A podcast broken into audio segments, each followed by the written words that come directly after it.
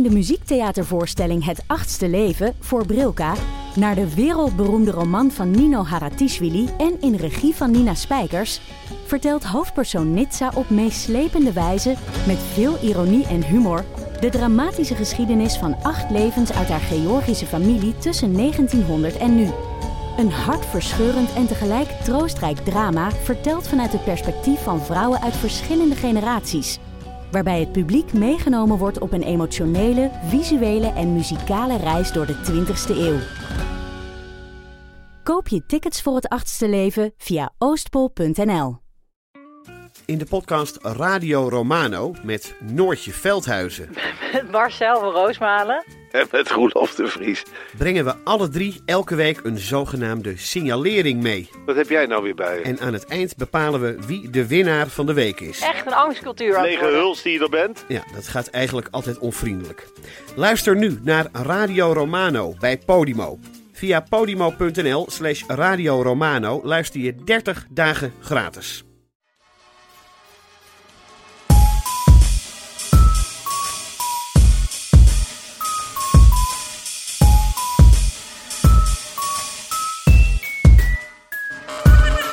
Welkom bij de Eeuw van de Amateur, aflevering 67. En deze keer is Ipe Driessen er natuurlijk. Hardo. En we hebben te gast Edward van de Vendel. Yes, hallo. Kinderboekenschrijver, vertaler, jeugdboekenschrijver en vertaler. Eh, dat doe je al heel erg lang. Eh, ik heb gewikipediaat dat je dat in 1996 voor het eerst hebt gedaan. Dat is dan toen je Ja, eerste boek uitkwam. Klopt. Ja. Dus dat is inmiddels alweer 22 jaar geleden. Ja, je, je ja, foto ja. op Wikipedia is ook uit 1996. Dat denk ik wel, ja. Sowieso de aanmaak van, van de Wikipedia-pagina is ook geen, een 96. geen spat veranderd. Eh, over Wikipedia krijgen we het vast nog. Ehm, ik zag ook dat iemand daar heel netjes bij had gehouden... tot ongeveer volgens mij eh, twee, drie jaar geleden... eh, hoe, welke titels er van jou verschijnen. Oh, en dat waren er soms bijna zes per jaar. Ja. Echt heel erg veel. Ja. Eh, Prentenboeken ook erbij, hè? Minder tekst. Nou, Maar ja, nou ja, maar goed. ja nee. Zijn, zijn, er, eh, zijn er Edward van de Vendel verzamelaars? Zeg maar die alles willen hebben. Die alles in de kast hebben staan. Nou, dat denk ik niet, dat weet ik niet. Dat denk ik niet, ook omdat het heel divers is. Ik bedoel, je kan van de gedichten houden... en dan weet ik niet of je de prentenboeken ook leuk vindt. Je kan van de young adult boeken, weet je wel... waar de hoofdpersonen 16, 17 zijn. Maar dan weet ik ook weer niet of je de, ja, de eerste leesboeken leuk vindt. Nee, maar weet je, weet je? Er is niemand... Nee. Nou, je denkt niet. dat het spectrum te, qua leeftijd doelgroep te breed is... om jou helemaal te... Ja, dat denk ik Maar wel. jouw taal zit er altijd in. Daar kan je wel liefhebber ja. van zijn. Ja, maar goed. eh, ik denk als je fan bent van de Okapi, waar ik een boek over heb geschreven, wat mijn lievelingsdier is, dan ben je dat waarschijnlijk weer niet van Ajax, waar ik ook een boek Oh, over ja. heb geschreven. Dus, nee, maar het, het maakt me niks uit. Het Want, zijn complex overlappende Venn-diagrammen. zeg maar. dat, dat, Ja, ik vraag dit als soort completist. Maar misschien is het inderdaad... Maar ik zou het andersom wel hebben. Ik heb het heel erg bij, eh, sowieso met verzamelingen, maar met, met auteurs die ik fantastisch vind, dan wil ik ook alles daarom. van lezen. Ja, Ja, ja dat klopt. ja. En zelfs eh, de, de dunste, slechtste Ja. boekjes, ja. Maar goed. diverse zilveren griffels. Twee keer de Woutertje Pieterse prijs. Eh, je bent de docent geweest. Ehm, je hebt ook diverse klasjes met jonge schrijvers. Je hebt zelfs een keer zelf een school opgericht, eh, las ik op Ja, heel erg lang geleden. Ja, basisschool, dat klopt. Ja. Waarom wou je een, een school oprichten? Nou, dat de- deed ik niet alleen. Dat was met een groep ouders Ja. en andere leerkrachten. En wij werkten... in een specifieke richting of zo? Dat dat... Nee, het was meer dat we dachten... oh, hoe tof zou het zijn om helemaal opnieuw te beginnen. Ah, En echt zo, zo simpel is het begonnen. En eh, daar- toen later bleek dat de ouders wat ontevreden waren... van een bepaalde groep op een school. En die gingen dat, de politieke actie doen. Dus het is wel groot geworden. En ik ben ook directeur geweest van die school. je bent directeur Ja, geweest ja van ik werd de directeur. Ja, ja, dat was, ja, ja, de, ehm, ja, de eerste vier jaar. En toen ben ik weggegaan daar weer. Want het was heel tof. Het was heel erg pionieren. En het was heel veel werk. Ja. Maar de school bestaat nog steeds. En dat gaat heel goed met die school. De Dus- Edward van de van de Vendelschool. Nee, de eh, Icarus heet die. Basisschool Icarus. Oh. Ja. Dus jullie vonden het zelf ook wel een beetje hoogmoedig. Ja, ik, hoe vaak ik dat niet heb moeten uitleggen, inderdaad. Ja. Maar goed, Ja. probeer maar eens met een groep van zes mensen eh, een Een naam, te verzinnen. ja, ja, ja, ja. ja, dat valt ook niet mee. nee. Ja. Die school mag dus nooit meer anders gaan heten. Dit is mijn stokpaardje. Ja. Ja, wat is je stokpaardje? Ja, Dan de dat namen veranderen? mogen Van naam mogen veranderen. Ja. Oh ja, nee. Ja. Oké, dit terzijde. En wat ook heel leuk is, het is terwijl we dit opnemen op eh, namelijk Dierendag 4 oktober 2018, is het eh, Kinderboekenweek. Eh, en, ehm, en we hebben jou gewoon te gast. Dat is ergens toeval, maar dat zullen we nooit toegeven. Dat hebben we gewoon heel netjes zo gefabriekt. Wij hebben jou gekregen vanavond. Ik denk dat Ja. dat een soort morfogenetisch iets is geweest dat we het Ja? nu hebben. Ja. Want je stuurde mij, Ipe, maar ook nog een linkje naar een eh, Kinderen voor Kinderen lied. Ja. Kom erbij, heet het. Ja. De, ja, elk jaar wordt voor de, voor de kinderboekenweek eh, de, de grote eh, hit gemaakt van, van Kinderen voor Kinderen. Dan vragen ze altijd een kinderboekschrijver om de tekst te maken. En dat mocht ik dit jaar doen. En het voor één nummer is dat. Eén nummer. Het is dus het titelnummer van de nieuwe cd.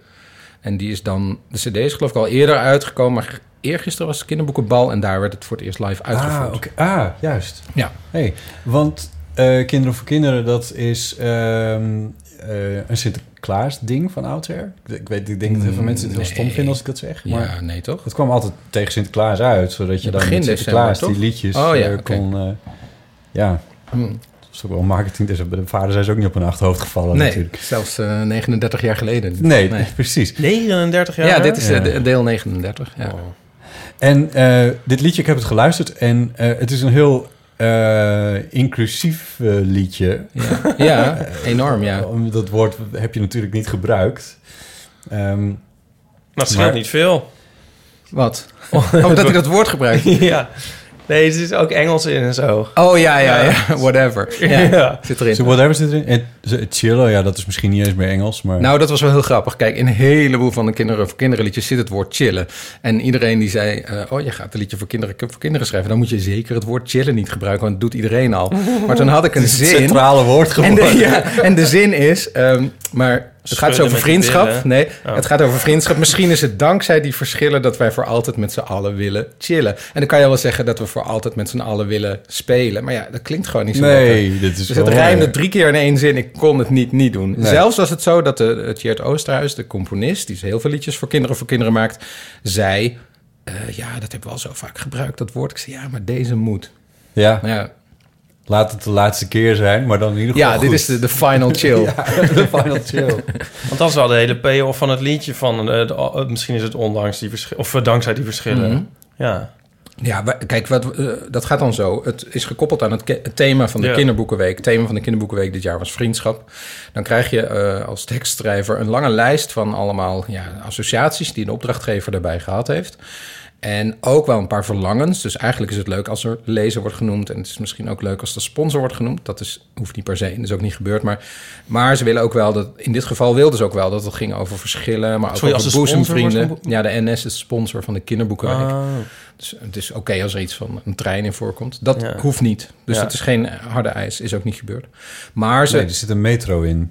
Het was, als Nee, in het filmpje. Het filmpje is volgens mij opgenomen Ja, op, het is- onder Centraal Station in de kathedraal... die ik dan weer heel goed ken, omdat ik een podcastserie over de Noord-Zuidlijn heb gemaakt. Ja. Maar daar zag ik, dat, dat meen ik te herkennen als de plek waar het... Klopt. Sterker nog, meen ik te herkennen, dat was gewoon zo. Maar- Nou, ze hebben op alle eh, stations gefilmd. En Ja. het idee was... En dat was v- vijf dagen voordat eh, de Noord-Zuidlijn openging. En het idee was bij elke station komen de kinderen bij. Dus dat is het clipje. oh, ja. maar dat staat Oh, ja. verder niet in Ja. de tekst. Dus nou ja, goed, er zijn Nee, van allerlei vragen. En wat ingewikkeld was, technisch ingewikkeld, maar wel interessant... was dat het is een koor. Dus het Mhm. moet een liedje zijn wat door iedereen gezongen wordt. Ja. Maar het moest ook over boezemvrienden gaan. Ja. Dat zijn maar twee mensen. Dus Ja. dat kan eigenlijk niet. Ja. Dus we zaten met een soort spagaat in de tekst. Dus nu is eigenlijk wat het liedje over gaat... is als je zo goed bevriend bent... dan, en er kan niks tussen komen... dan maakt het niet uit, dan kunnen er ook nog anderen bij. Dus, en, en ik vond het zelf belangrijk om te zeggen... eh, ja, er zijn zoveel verschillen, het maakt eigenlijk niet uit. Je kan, je kan vrienden zijn dankzij die verschillen en niet ondanks. Ja. Ja, Oh, dat, dat heb je zelf bedacht, dat deel ja, van de verschillen. Ja. En, eh, ja. Wat mooi. Je hebt Ja, gewoon de hele tekst bedacht. Ja, ja zeker. Maar we- dat moet je wel een paar keer ja, overleggen... en het moet gelezen worden. En, eh, En je staat eerst de tekst. Ja, met, eh, je gaat naar, het, eh, naar, naar de studio van uh, Tjeerd Oosterhuis... en dan heb je al wat ideeën en dan kijkt hij een beetje benauwd terecht... want hij denkt, oh god, dan komen ze al aan, het is allemaal geschreven... ik moet alles gaan schrappen. Nou, dat viel mee, dus toen zijn we met een heel klein stukje begonnen... uit mijn oorspronkelijk idee, dat hebben we een refreintje van gemaakt... en toen heb ik steeds stukjes bijgeschreven. Ah, leuk. Dus het is wel een soort wisselwerking. Je hebt niet helemaal... Want dat moet een beetje op metrum al geschreven zijn natuurlijk. Ja, en dat vind ik heel leuk. Ik heb ook wel meer Ja. kinderliedjes of liedjes Ja. sowieso geschreven vroeger. Of nou ja, ook nog niet zo lang geleden. Dus ik hou heel erg van het technische prutsen. En ook om te kijken of het op het eind veel... Taaltechnisch prutsen. Ja, taaltechnisch zoeken naar klanken die ook goed liggen. Je, kunt, Ja. je moet ook niet eindigen op, ehm, op te veel medeklinkers. Het liefst met open klanken, want dat zingt lekkerder. Dus allemaal dat soort dingen. Doe Ja. eens een stukje. Nee, maar is er, is er één ding in dit liedje waar je heel trots op bent dat het erin zit? Ja, die zin. Oh, er is je- één. nee, de leukste zin is... eh, we- dus het, het liedje is dat er steeds allerlei kinderen een rolletje hebben. Dat Ja. was ook nog een soort technische vereiste. Dus dat koor moet ook allemaal nog solo, Ja. soli hebben. En één... Dus ze zeggen allemaal van, ik, ben, eh, ik, ik vind dit leuk, ik vind dat leuk. Ik hou van roze, ik hou van bruin. En één kind zegt... ehm, eh, ik wil een zus. En dan reageert de ander met te roepen... Ik heb er zes. Ja. Ja, Die vind ik gewoon qua grap het meest geslaagd. Ja, Ja, dat ja. vond ik ook leuk. die is mij ook opgevallen. Ja, ja, ja. Dat vond ik echt heel leuk, ja. ja. En je noemt Lampje. Ja, la- oh ja, die, dat was helemaal tof. Lampje is een boek. Dat is het boek wat nu de Gouden Griffel heeft gewonnen. En ik, ik wilde er wel iets van lezen inzet. Dus ik, het zinnetje is, ik lees Lampje, ik van Loon. Ja, Paul van Loon natuurlijk. maar er waren natuurlijk mensen die zeiden... Goh, wat is Lampje? Dat weet ik niet helemaal. Want dat is een boek van nu, van dit jaar. Maar ik zei, ja, maar dat gaat de Gouden Griffel winnen. En kan je bedenken hoe geweldig het is als die Griffel bekend wordt gemaakt... en daarna zingt Kinderen voor Kinderen... Alleen ik wist helemaal niet of het de Gouden Griffel ging winnen. Want dat weet, ik, dat weet niemand. Dat hebben we pas afgelopen dinsdag gehoord. Ja. Dus ik heb enorm gegokt ja. en het was raak. Dus ik was heel blij dat ze won. Ja. Gelukkig. Ja. Ja. Ja. Nou was het ook de gedoodverfde winnaar, dus dat was niet zo Ja, gek. Maar... ja, precies. Ja, ik moet wel zeggen, ik voelde me een beetje bejaard in de zin van dat ik de tekst er wel bij moest pakken, omdat ik het dus heel moeilijk kon verstaan. Ja, het gaat best snel. Ja. het gaat best snel. Nou, het is snel. Nee, maar het Ja. is ook wel... Het is een, het Het is gaat snel, soort... ja. En het is ook met dat koor. Ja, nee, maar dat, dat heb, heb ik dus. Ja, Maar dat kan ik me niet herinneren van vroeger. Nou, ik denk wel dat het ook met de sound te maken heeft. Ja, Ik denk dat dit een vrij volle sound is. Dat Ja, weet ik niet helemaal technisch. Ja. En eh, dat is ook hoe Cheert werkt. En die ge- gebruikt ook weer andere mensen die Ja. voor hem de beats maken. Maar, en dat vind ik eigenlijk bij dit lied heel aantrekkelijk. Maar dat zorgt er misschien wel voor dat het wat minder singer-songwriter-achtig is. Ja. Ja. maar goed. Dat Het mogen het is gewoon goed geproduceerd. Ja, het is heel goed Nou, gedaan. dat goed gewoon, geproduceerd. eh, nou ja, maar als je het heel... Ik weet niet, want oh, oh, zeg maar tekst naar voren laten komen... is ook een, kan ook een onderdeel Ja, zijn van goede een productie. kin- van een kinderkoor, dat is wel, dit is gewoon denk ik wel het hoogst haalbare hoor. Eh, hij doet dat wel echt heel erg goed. Oh ja, maar wordt kon ook jij het verstaan als je het ja. zo gewoon luisterde? Het, is ook allemaal geautotuned en eh, gedaan, dus er is gewoon heel veel productie in gaan zitten. Ja, nee, dit is wel heel veel productie. Ja. zitten. En ik vind het qua melodie heel leuk, want de, de hits van de laatste jaren, de kinder, voor kinderen hits, eh, waren ook heel leuk, maar die waren vaak nog weer een, een, een- een paar, weet ik veel hoe dat heet, sneller. En een beetje zo eh, hyperactief, zeg maar. Hm. Ook leuk. En deze is net iets langzamer. En dit Is wel, ja. eigenlijk op, het, eh, op, een, op een ritme waarvan je niet meteen een hit zou verwachten. Hm. Eh, maar hij heeft me dat helemaal uitgelegd dat het Bruno Mars-achtig is, die het eigenlijk weer van Quincy Jones had en die het eigenlijk weer van nog. Dus ik heb ook een heleboel Oké, muziekles nog eventjes met die oren naar luisteren. Ja, nee, echt. Het is echt heel leuk. Gek, Ja. ja. Ja. Het, het heeft wel een beetje ethisch vibe, vind ik ook. Ja, het is ethisch. Ja, het, is, het heeft swingbeat of zo heet het. Ik weet niet precies hoe het heet. Het is misschien de verkeerde term. Over Quincy Jones gesproken. Op Netflix staat nu een documentaire over Quincy Jones. En dat is wel echt een aanrader. Dat Ja, hoe heet hij ook weer? Op zich... Quincy. Quincy, oké. Ja, ja, Eh, ik heb hem gezien. Ik moet eerlijk zeggen dat ik hem... Het, maar goed, het is een beetje mijn hang-up. Ik vond dat hij nog wat te weinig over muziek ging. Maar eh, je krijgt wel een mooie indruk van het hele spectrum... waar die man zich mee bezig heeft gehouden in, eh, in, in de muziekwereld. Ja. Ehm, in de, in- naar mijn idee moest er iets te vaak in... dat, dat zijn moeder hem op zevenjarige leeftijd heeft verlaten. Want dat is een documentaire. Dat ik dacht van ja, ja, ja, ja, dat speelt ongetwijfeld een belangrijke rol... maar dat hoef je me niet vijf keer te vertellen. Praat maar over die muziek. Maar los daarvan, van Michael Jackson tot Frank Sinatra... van, van al die oude jazzjongens tot aan eh, de moderne muziek van nu. Je ziet, eh, je ziet eh, Jay-Z die vol respect met hem, over hem zit te praten. Van wow, dit is, dit is Quincy. Weet, weten jullie wel over wie we het hier eigenlijk hebben? Ja. Dus al die nieuwe jongens, die weten ook heel goed... eh, waar, waar die man allemaal voor staat. Hij leeft nog trouwens. Dus, Ja? Oh, oké. het Hij is wel gek, oude- toch? Oude knar. Nee, hij is niet gek. Nee, nee, nee, hij mij wel. Had toch dat rare interview gegeven? Quincy Jones had een raar interview Ja, gegeven? een heel raar interview heeft hij laatst gegeven. Over?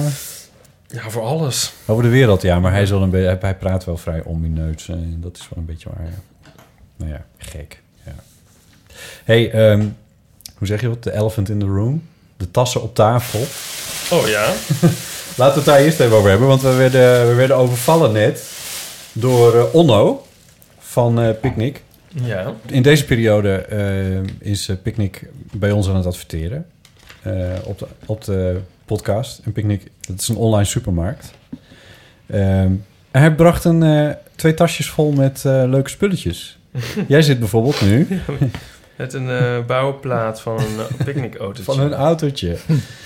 Dat is een supermarkt, maar zij, eh, ze verkopen ook wel wat eh, bijzondere dingen. Zoals bijvoorbeeld een, een, zij, een, een heel bijzondere pindakaas die, eh, die alleen zij hebben. Oh, is dat zo'n pindakaas zonder... eh, Hier Ja, zit vrijwel niks in. Behalve nee, dan ja, maar pinda's. het is zo'n pindakaas... Die, sta- staat er nou een was aan? Ja, er staat een was aan, ja. God, Ga wat nou... gebeurt er toch allemaal met je? jongen, Ehm, ik heb een heel druk leven. Ja, kijk, die zie je, die is helemaal zo vloeibaar. Ja, Ja, maar dan zit er iets wel of niet in, wat in normale pindakaas wel of niet zit. nou, hier zit vrijwel niks in. Hier zit een beetje zout in. Heel veel pindels natuurlijk. En, peper. Dat is alles wat erin zit. Ja. ja, dat is grappig. Dus ik weet niet waar je het over hebt, maar... en hij had het over een kaartje... wat bij hen voortdurend uitverkocht is. Dat is deze. Eh, dat kun je onder je deurbel plakken. Daar staat op, als kinderen slapen... eh, dan, eh, en dan zien ze dit bij de deurbel zitten... dan eh, s s'avonds liever kloppen, staat erop. En dat schijnt voortdurend uit- uitverkocht te zijn, zo vertelde die jongen. Eh, omdat mensen dat heel fijn vinden... dat er niet aangebeld wordt als de kinderen al op bed liggen. Maar dat de mensen even Maar het is een heel klein stickertje. Het is een heel klein En een, een derde van het stickertje is de, is de, de, de, de Dit, streepjescode. dit is, Die hoort ja, er niet bij. Nee, nee, dit is, dit is het hele stickertje. Dat, dus een wat is het? Anderhalve centimeter bij drie? Ja, het is echt maar heel klein. Maar het is voldoende voor een, eh, voor een bezorger van Picnic om dat bij de deurbel te zien natuurlijk. Oh, het is alleen maar voor de bezorgers van Picnic. Ja. Ja, ja, oké. Ja. Ja. Nee, precies. Ja, nee, uh, bol.com belt nog wel gewoon. Ja. alle andere, alle buren. Die, die denken... Oh, tring, tring. Ja. En verder hebben we wat eh eh picnic thee gekregen. Eh, Japanse nootjes zitten daar nog in. Voor Pauline natuurlijk. En borrelnootjes, want dat hebben we ook nodig. Ehm Ipe, wat zit er nog meer in? Ik weet dat je druk bent met dat Ja, autootje. ik ga dat autootje nu maken. Ja. Ehm, Nog meer picnic thee. Dat is natuurlijk goed. eigenlijk alles, alle producten waar we het ooit over hebben gehad in deze Ja. uitzending, behalve drank. Be- Nou, er zit Pepsi eh, zit hier. eh, Oh ja. Maar nee, geen, eh, geen drank inderdaad. Ik weet niet precies waarom dat, waarom dat er niet in zit. Eigenaardige omissie. Maar, dat is een, eh, maar het is natuurlijk een leuk cadeautje. Ik vond het heel aardig dat hij even langskwam. Om, eh, hij bleek ook een eh, fan van de show. Want hij had het er nog over dat hij ook misschien ook nog een banaan mee had willen nemen. Omdat dat in onze vorige uitzending had gezeten. Ja. Omdat jij niet zo goed weet wat je met bananenschillen aan moet. Nu Nee. we toch zo lekker bezig zijn met, eh, met supermarktproducten.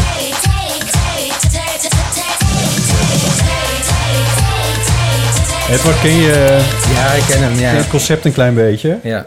Ehm, ik weet niet meer hoe dit is ontstaan. Maar ik wil je vragen om uit deze drie eh theezakjes die hier liggen... eentje uit te kiezen. Eh, en eh, de vraag die op het labeltje staat... voor te dragen. Ja, nou, ik moet even van tevoren zeggen... Een, een van mijn beste vrienden is Pim... en we gaan samen vaak op schrijfvakantie. En die doet dit elke dag. Dus zodra er thee is, gaat hij de vraag voorlezen. En ik heb een soort sport ervan gemaakt om die nooit te beantwoorden. Oh, Dus dit is heel lastig nu. En waarom? Omdat je het stom vindt. Omdat ik het stom vind, ja. Ja, het is ook wel een beetje stom. En deze is... Dit is nog het toppunt van stom die we nu hebben. Oh, nee, dat, dit mag dus eigenlijk niet. Maar refereert Pim dan ook aan de eeuw van de amateur... of hij doet dit gewoon als zichzelf? Ja, dit, en dit doet hij ook al heel erg lang. Hij zingt niet het liedje erbij. We hebben natuurlijk Nee, dat niet- ho- eh, dan ga ik het wel doen natuurlijk. Dan ga ik beantwoorden, ja. Ehm, hij is echt heel erg. Ja. Wat is jouw favoriete me-time moment? Me-time? Ja. We hebben een titel. Het staat We er. hebben een titel. Ja, ik denk het ook, ja. Jezus. Eh, Hoe, hoe ik weet niet eens wat het is. Hoe zei je dat? Ja, me- streepje T-I-M-E. Ja. Me-time, ja, ja. met een streepje. Tijd voor jezelf, denk ik dan. Ja, tijd voor Ja. jezelf. Nee, ik bedoel, het is wel, me wel duidelijk. Wat is je favoriete... Maar Niet Nee, er staat niet Moment. bezigheid. Dat is je favoriete me-time Niet tussen moment. Moment. Dus niet wat ga je dan doen, maar er is ooit in je leven Nee, een van alle dingen die je moet doen. Ja, zoals wij lijstjes aanleggen van onze favoriete me-time momenten. Wat Ja. staat er op één? Dat is eigenlijk de vraag. Oh ja, maar ik denk niet dat het gewoon onhandig geformuleerd is. Wat ze gewoon bedoelen is denk ik van wat doe jij... Wat is voor jou me-time? Dat denk ik dat ze Ja, je bedoelen. gaat toch Ja. een beetje interpreteren nu Ja. Nou, ik vind dat je heel aardig bent voor... eh, voor Pickwick. Voor- Ja, Pickwick. dat, nou ja, goed, dat mogen wij ook zelf weten. ja, vind ik ook. Wat doe jij met, wat is voor jou me-time? Laten we de vraag zo eens herformuleren. Ja, je zou zeggen, als je die vraag herformuleert, haal dan dat vreselijke woord me-time eruit. Maar Ja, goed, dat doen- hebben we ja, nu niet ja. gedaan. Ja, dat is natuurlijk toch, toch gewoon Netflix. En vooral, ik kijk nu Ja? weer... Weet je wat leuk is? Ehm, nou ja, nee, wat misschien niemand leuk vindt, maar dat vind ik wel leuk... is, ik vond Queer Eye heel erg leuk. Terwijl ik nooit van Oh, dat soort series houd. Ja, Maar hier staat iets- eh, aan de kant van Er zat iets speciaals bij. Dat vond ik... eh, nou, Oh, wacht. Maar, maar eh, Queer Eyes heeft, is alweer... Ja, er zijn geen nieuwe afleveringen. Dus wat ik nu kijk is ehm, Project Runway.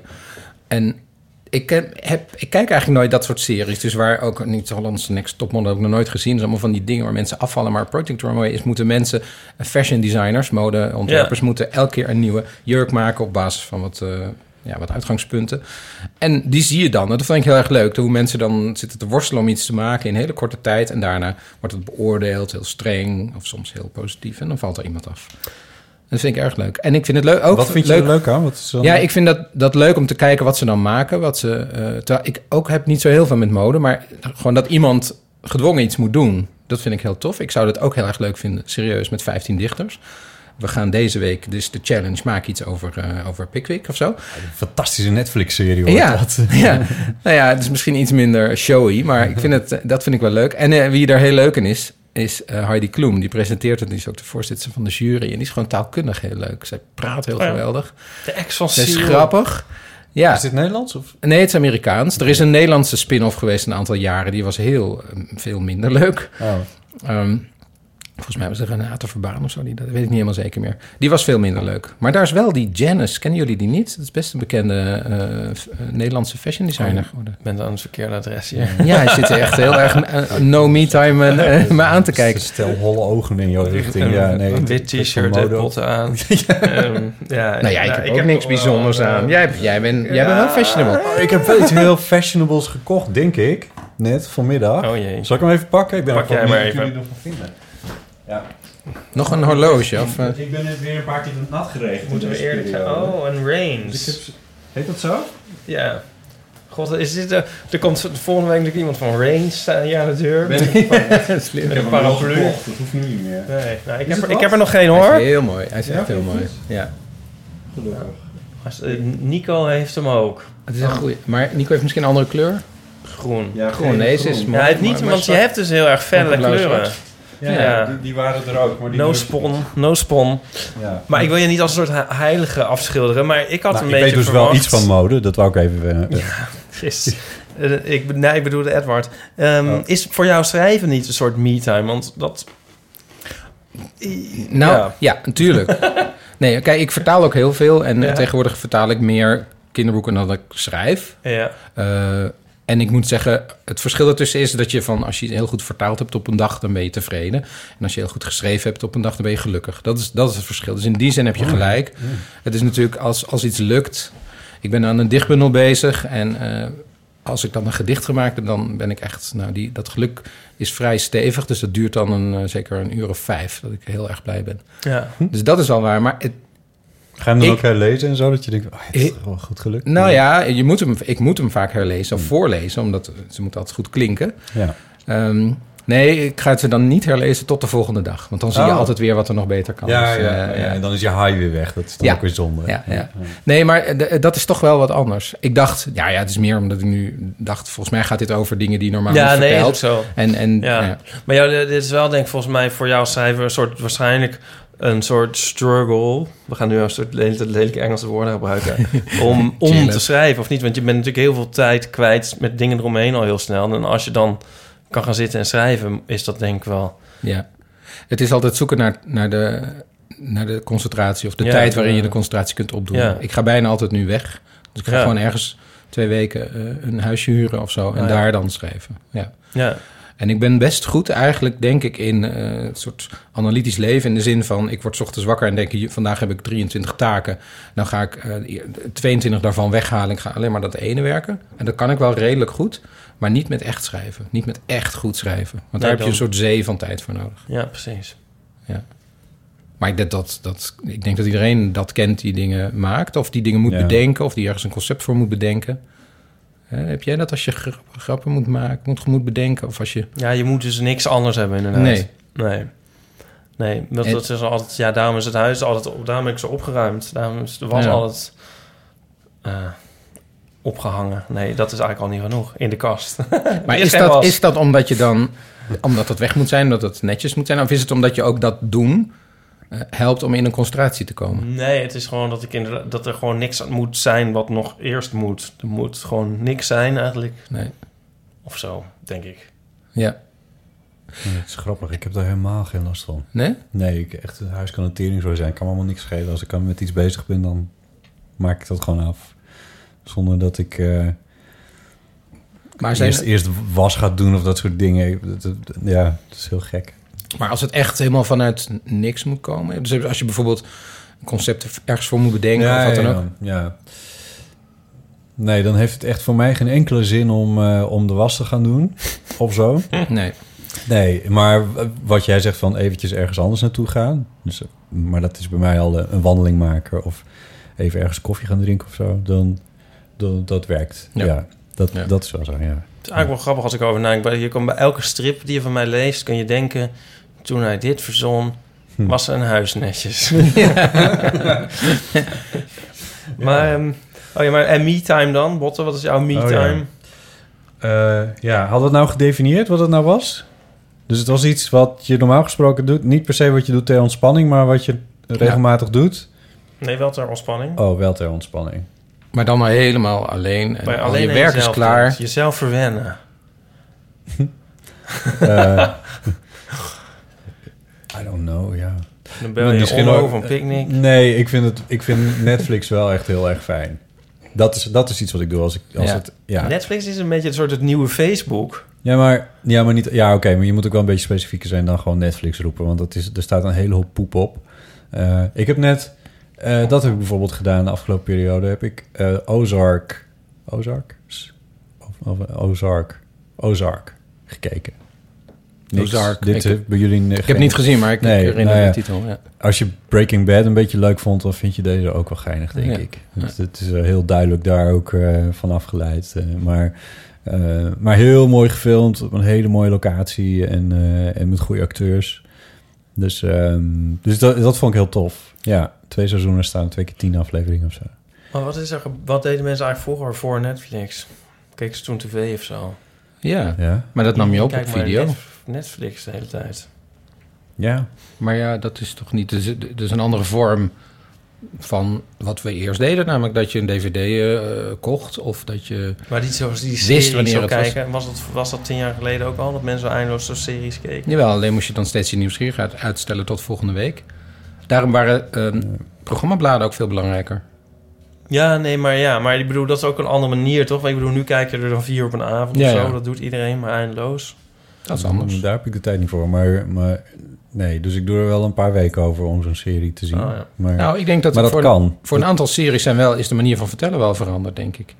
Doordat men weet dat mensen het veel directer, Ja. veel sneller achter elkaar zien. Ja, En er zijn, je kan ook heel vaak kan je de, wat er aan vooraf ging wegklikken. ja klopt. Eh, en dat is speciaal gedaan voor de mensen die dat allemaal niet meer hoeven te Nee. weten. Want ze hebben net de vorige aflevering gezien. Ja, dus dat is wel anders. Ja. Ja. Ja, ik ben er wel heel erg blij mee met dat Netflix. Mhm. Ik vind het wel echt een, een, een toevoeging aan mijn leven, om heel eerlijk te zijn. Dus dat is denk ik wel het antwoord dan. Ja. Ehm, Oké, dat was de thee. Ehm, wat zullen we... Wat zullen we, we hebben best veel berichtjes... eh, ge- oh, je was nog niet klaar? Jij wil, jij wil ook je Nee, ik, zeggen, heb hè? nee, ik weet niet wat ik moet zeggen, dus ik vind het niet zo erg. Jij Ik leest heb helemaal Reven. geen Oh, je antwoord gegeven. Is het zo? Ja, maar dat Oh. geeft niet. Reven lezen? Even lezen? Nee. Nee, nee. Me-time. Pla je, ja, je plaatjes. Dat is toch... Plaatjes? eh, ja, plaatjes draaien. Plaatjes verzamelingen? kopen, plaatjes checken, Kopen misschien, ja. luisteren. Ja, maar dat doen we allemaal. Maar dat is niet per se me-time. maar Dat doe je Nee. toch ook met anderen? Ja, sporten. Is dat je me-time? Misschien. En Netflix keur moet anderen doen. Ja, Ja. ja. Netflixen. Dat is ook wel leuk. Dat het is nieuwe ook werkwoord. Leuk natuurlijk. Maar Weet je wat vroeger mijn me-time was? Piano spelen. Dat mis ik. Ja, waarom doe je dat dan niet meer? Ja, hier Chopin en heb. Rachmaninoff zijn toch achteruit gegaan. Maar je hebt wel een keyboard. Ja, maar dat is dus niet hetzelfde. Jij hebt niet die... Speelde, Tactiele- speelde jij klassieke muziek? Mm, ook. Oh. Van nootjes. Ja. Oh. Maar dat, dat... Ja, nee, zo'n keyboard, dat is toch totaal anders. Dat is net zoals... ehm, Je kan nu niet Eh, eens een papieren busje in elkaar meer zetten. Dus dat? is wel Eh, uit je vingers onder. flipperen, flipperen op, eh, op de computer, zeg maar. Flipperen met een toetsenbord. Ja, ja. Ja. Maar goed. En wat je, nog even wat je weer- net zei, eh, eh, muziek kopen. Eh, Dat doe je soms fysiek, weet ik. Je gaat naar platenwinkels. Maar ga je ook online kijken bij van die duistere shopjes... die dan allemaal plaatjes uit... eh Nou, op Discogs wel. dat bedoel ik, ja? Ja. Oh. Nou, die is niet zo duister, dat weet ik wel. duister, nee. Die is, die is groot en geweldig. Ja, ik maar- krijg zo elke ochtend een mail van Discogs van... We found 80 items from your want list. Ja, ja, ja, die ken ik ook, ja. En dan, ja... Maar het is elke keer dezelfde. Ja, het is nou heel veel hetzelfde. Want één is heel erg, er zit er eentje erin altijd. Dan moet ik altijd kijken. Mijn, mijn We Found dingen van de wantlist mail is niet eh, not suitable for work. Hmm. Want er zit één promo bij van de Pet Shop Boys... met een mannelijk lid heel groot erop. Een heel eigenaardig item is dat. En er zijn er twee trouwens, er is een rode en een, en een blauwe. De rode heb ik, maar de blauwe niet. Die zit in mijn wantlist. dus als ik mijn Mocht u thuis check- nog een blauwe piemel hebben... ja. De, de, de luisteraars wel wel weten wat ik bedoel. De, de 12 inch van Before, de promo. Maar goed, dus ik heb wel de rood, maar niet de blauwe. Dus ik zit er altijd te denken van... moet ik die in godsnaam maar eens kopen? Want Met echt dat Pet Shop Boys alarm. hier elke nog eens keer zit hij in mijn wantlist. En straks ziet iemand het. Dan kijk ik op kantoor en dan denk ik... wat zullen mensen nu denken? Ja, Ja, goed. Ik denk ook wel eens van... ik zal hem uit mijn wantlist te halen. Maar op dat moment, als ik dat doe... en dan zie ik hem een keer... en dan weet ik natuurlijk niet meer welke ik nou al had. Nee, nee. Je bent in de studio trouwens ook wel helemaal in het midden gaan zitten... zodat iedereen voortdurend op je scherm zit te kijken. Dus dat helpt misschien ook niet. Kan toch niemand op mijn scherm kijken? Eigenlijk iedereen. Oeh. Als ik, als ik een kopje thee ga halen, Ja, dan, kijk ik al op eh, jouw Ja, scherm. maar dan, dan ben ik al weg. Dus dat is eigenlijk voortdurend. Oh, Oké. goed. We hebben heel veel berichtjes binnengekregen ehm, in audio. Dus dat is heel erg leuk. Ehm, ik heb ook nog wat post. Het kan, maakt mij eigenlijk niet zo heel erg veel uit wat we, wat we eerst doen. voor Want, Edward. ja, even denken. Oh ja, die heb ik. Ehm, laten we dan eerst gewoon even naar de eeuwofoon gaan. Dan, heb- dan hebben we het ook eh, gewoon een beetje compact. Er is een, eh, een vraag... eh, oh, moet ik eerst, eerst de tune eh, natuurlijk. Dat is heel belangrijk. 06 1990 68 71. Anders wordt iemand aan de andere kant van de tafel Hoor boos. je, dat was ik piano. Ja, dat was jou. Ja, ja, ja precies. Oké, een vraag, Edward, voor jou. Hallo Edward, dit is Jonica Smeets. Ik heb een vraag voor jou. Ik vind dat jij echt eh, fantastisch voordraagt eh, als jij poëzie voordraagt. En daar heb ik heel veel van geleerd over hoe je moet voorlezen. En dat is mijn vraag, kon je dit altijd al of heb je dat geleerd? En heb je ook tips voor mensen die ook zo mooi poëzie willen voordragen? Oh, en misschien kan je het even voordoen eh, tijdens de opname hoe je dat doet. Oké, eh, nou heel veel plezier en groetjes aan Iep en Botte. Doei! Leuk, Jonica. Ja, nou, groetjes aan jullie, hè? Ja, ik maar even door. Ja. Jonica is geweldig. Ik, ik werk aan een boek met Jonica. We zijn, eh, Oh, ja, het, het is best ver. Heel groot boek Over over, haar, eh, rekenen. Oh, Nee, oké. Voor kinderen. Ja. Ja, het, het, het gaat heten Rekenen voor je leven.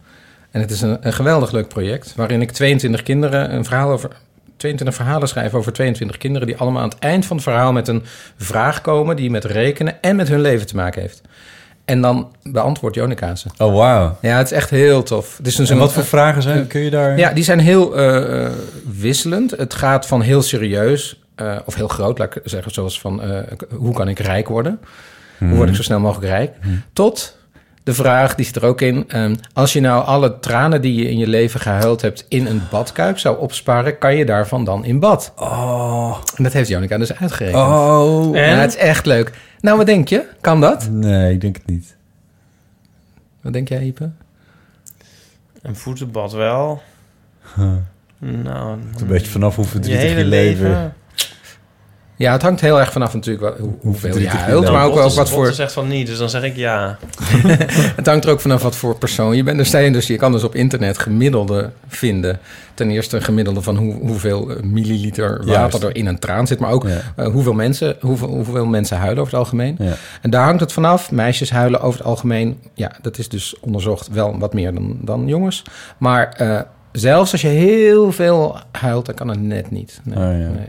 Dat is wel jammer, want dat had ik wel leuk gevonden. Ik hou wel heel vaak van het lachen. Ik heb heel makkelijk, eh, heel mijn traanbuizen staan wijd open. Van het lachen. Van, ja, sowieso dus. Maar ik moet ook, Oh, als altijd, ik lach al ja. heel vaak, huilt mijn zus ook. Ja. Ja.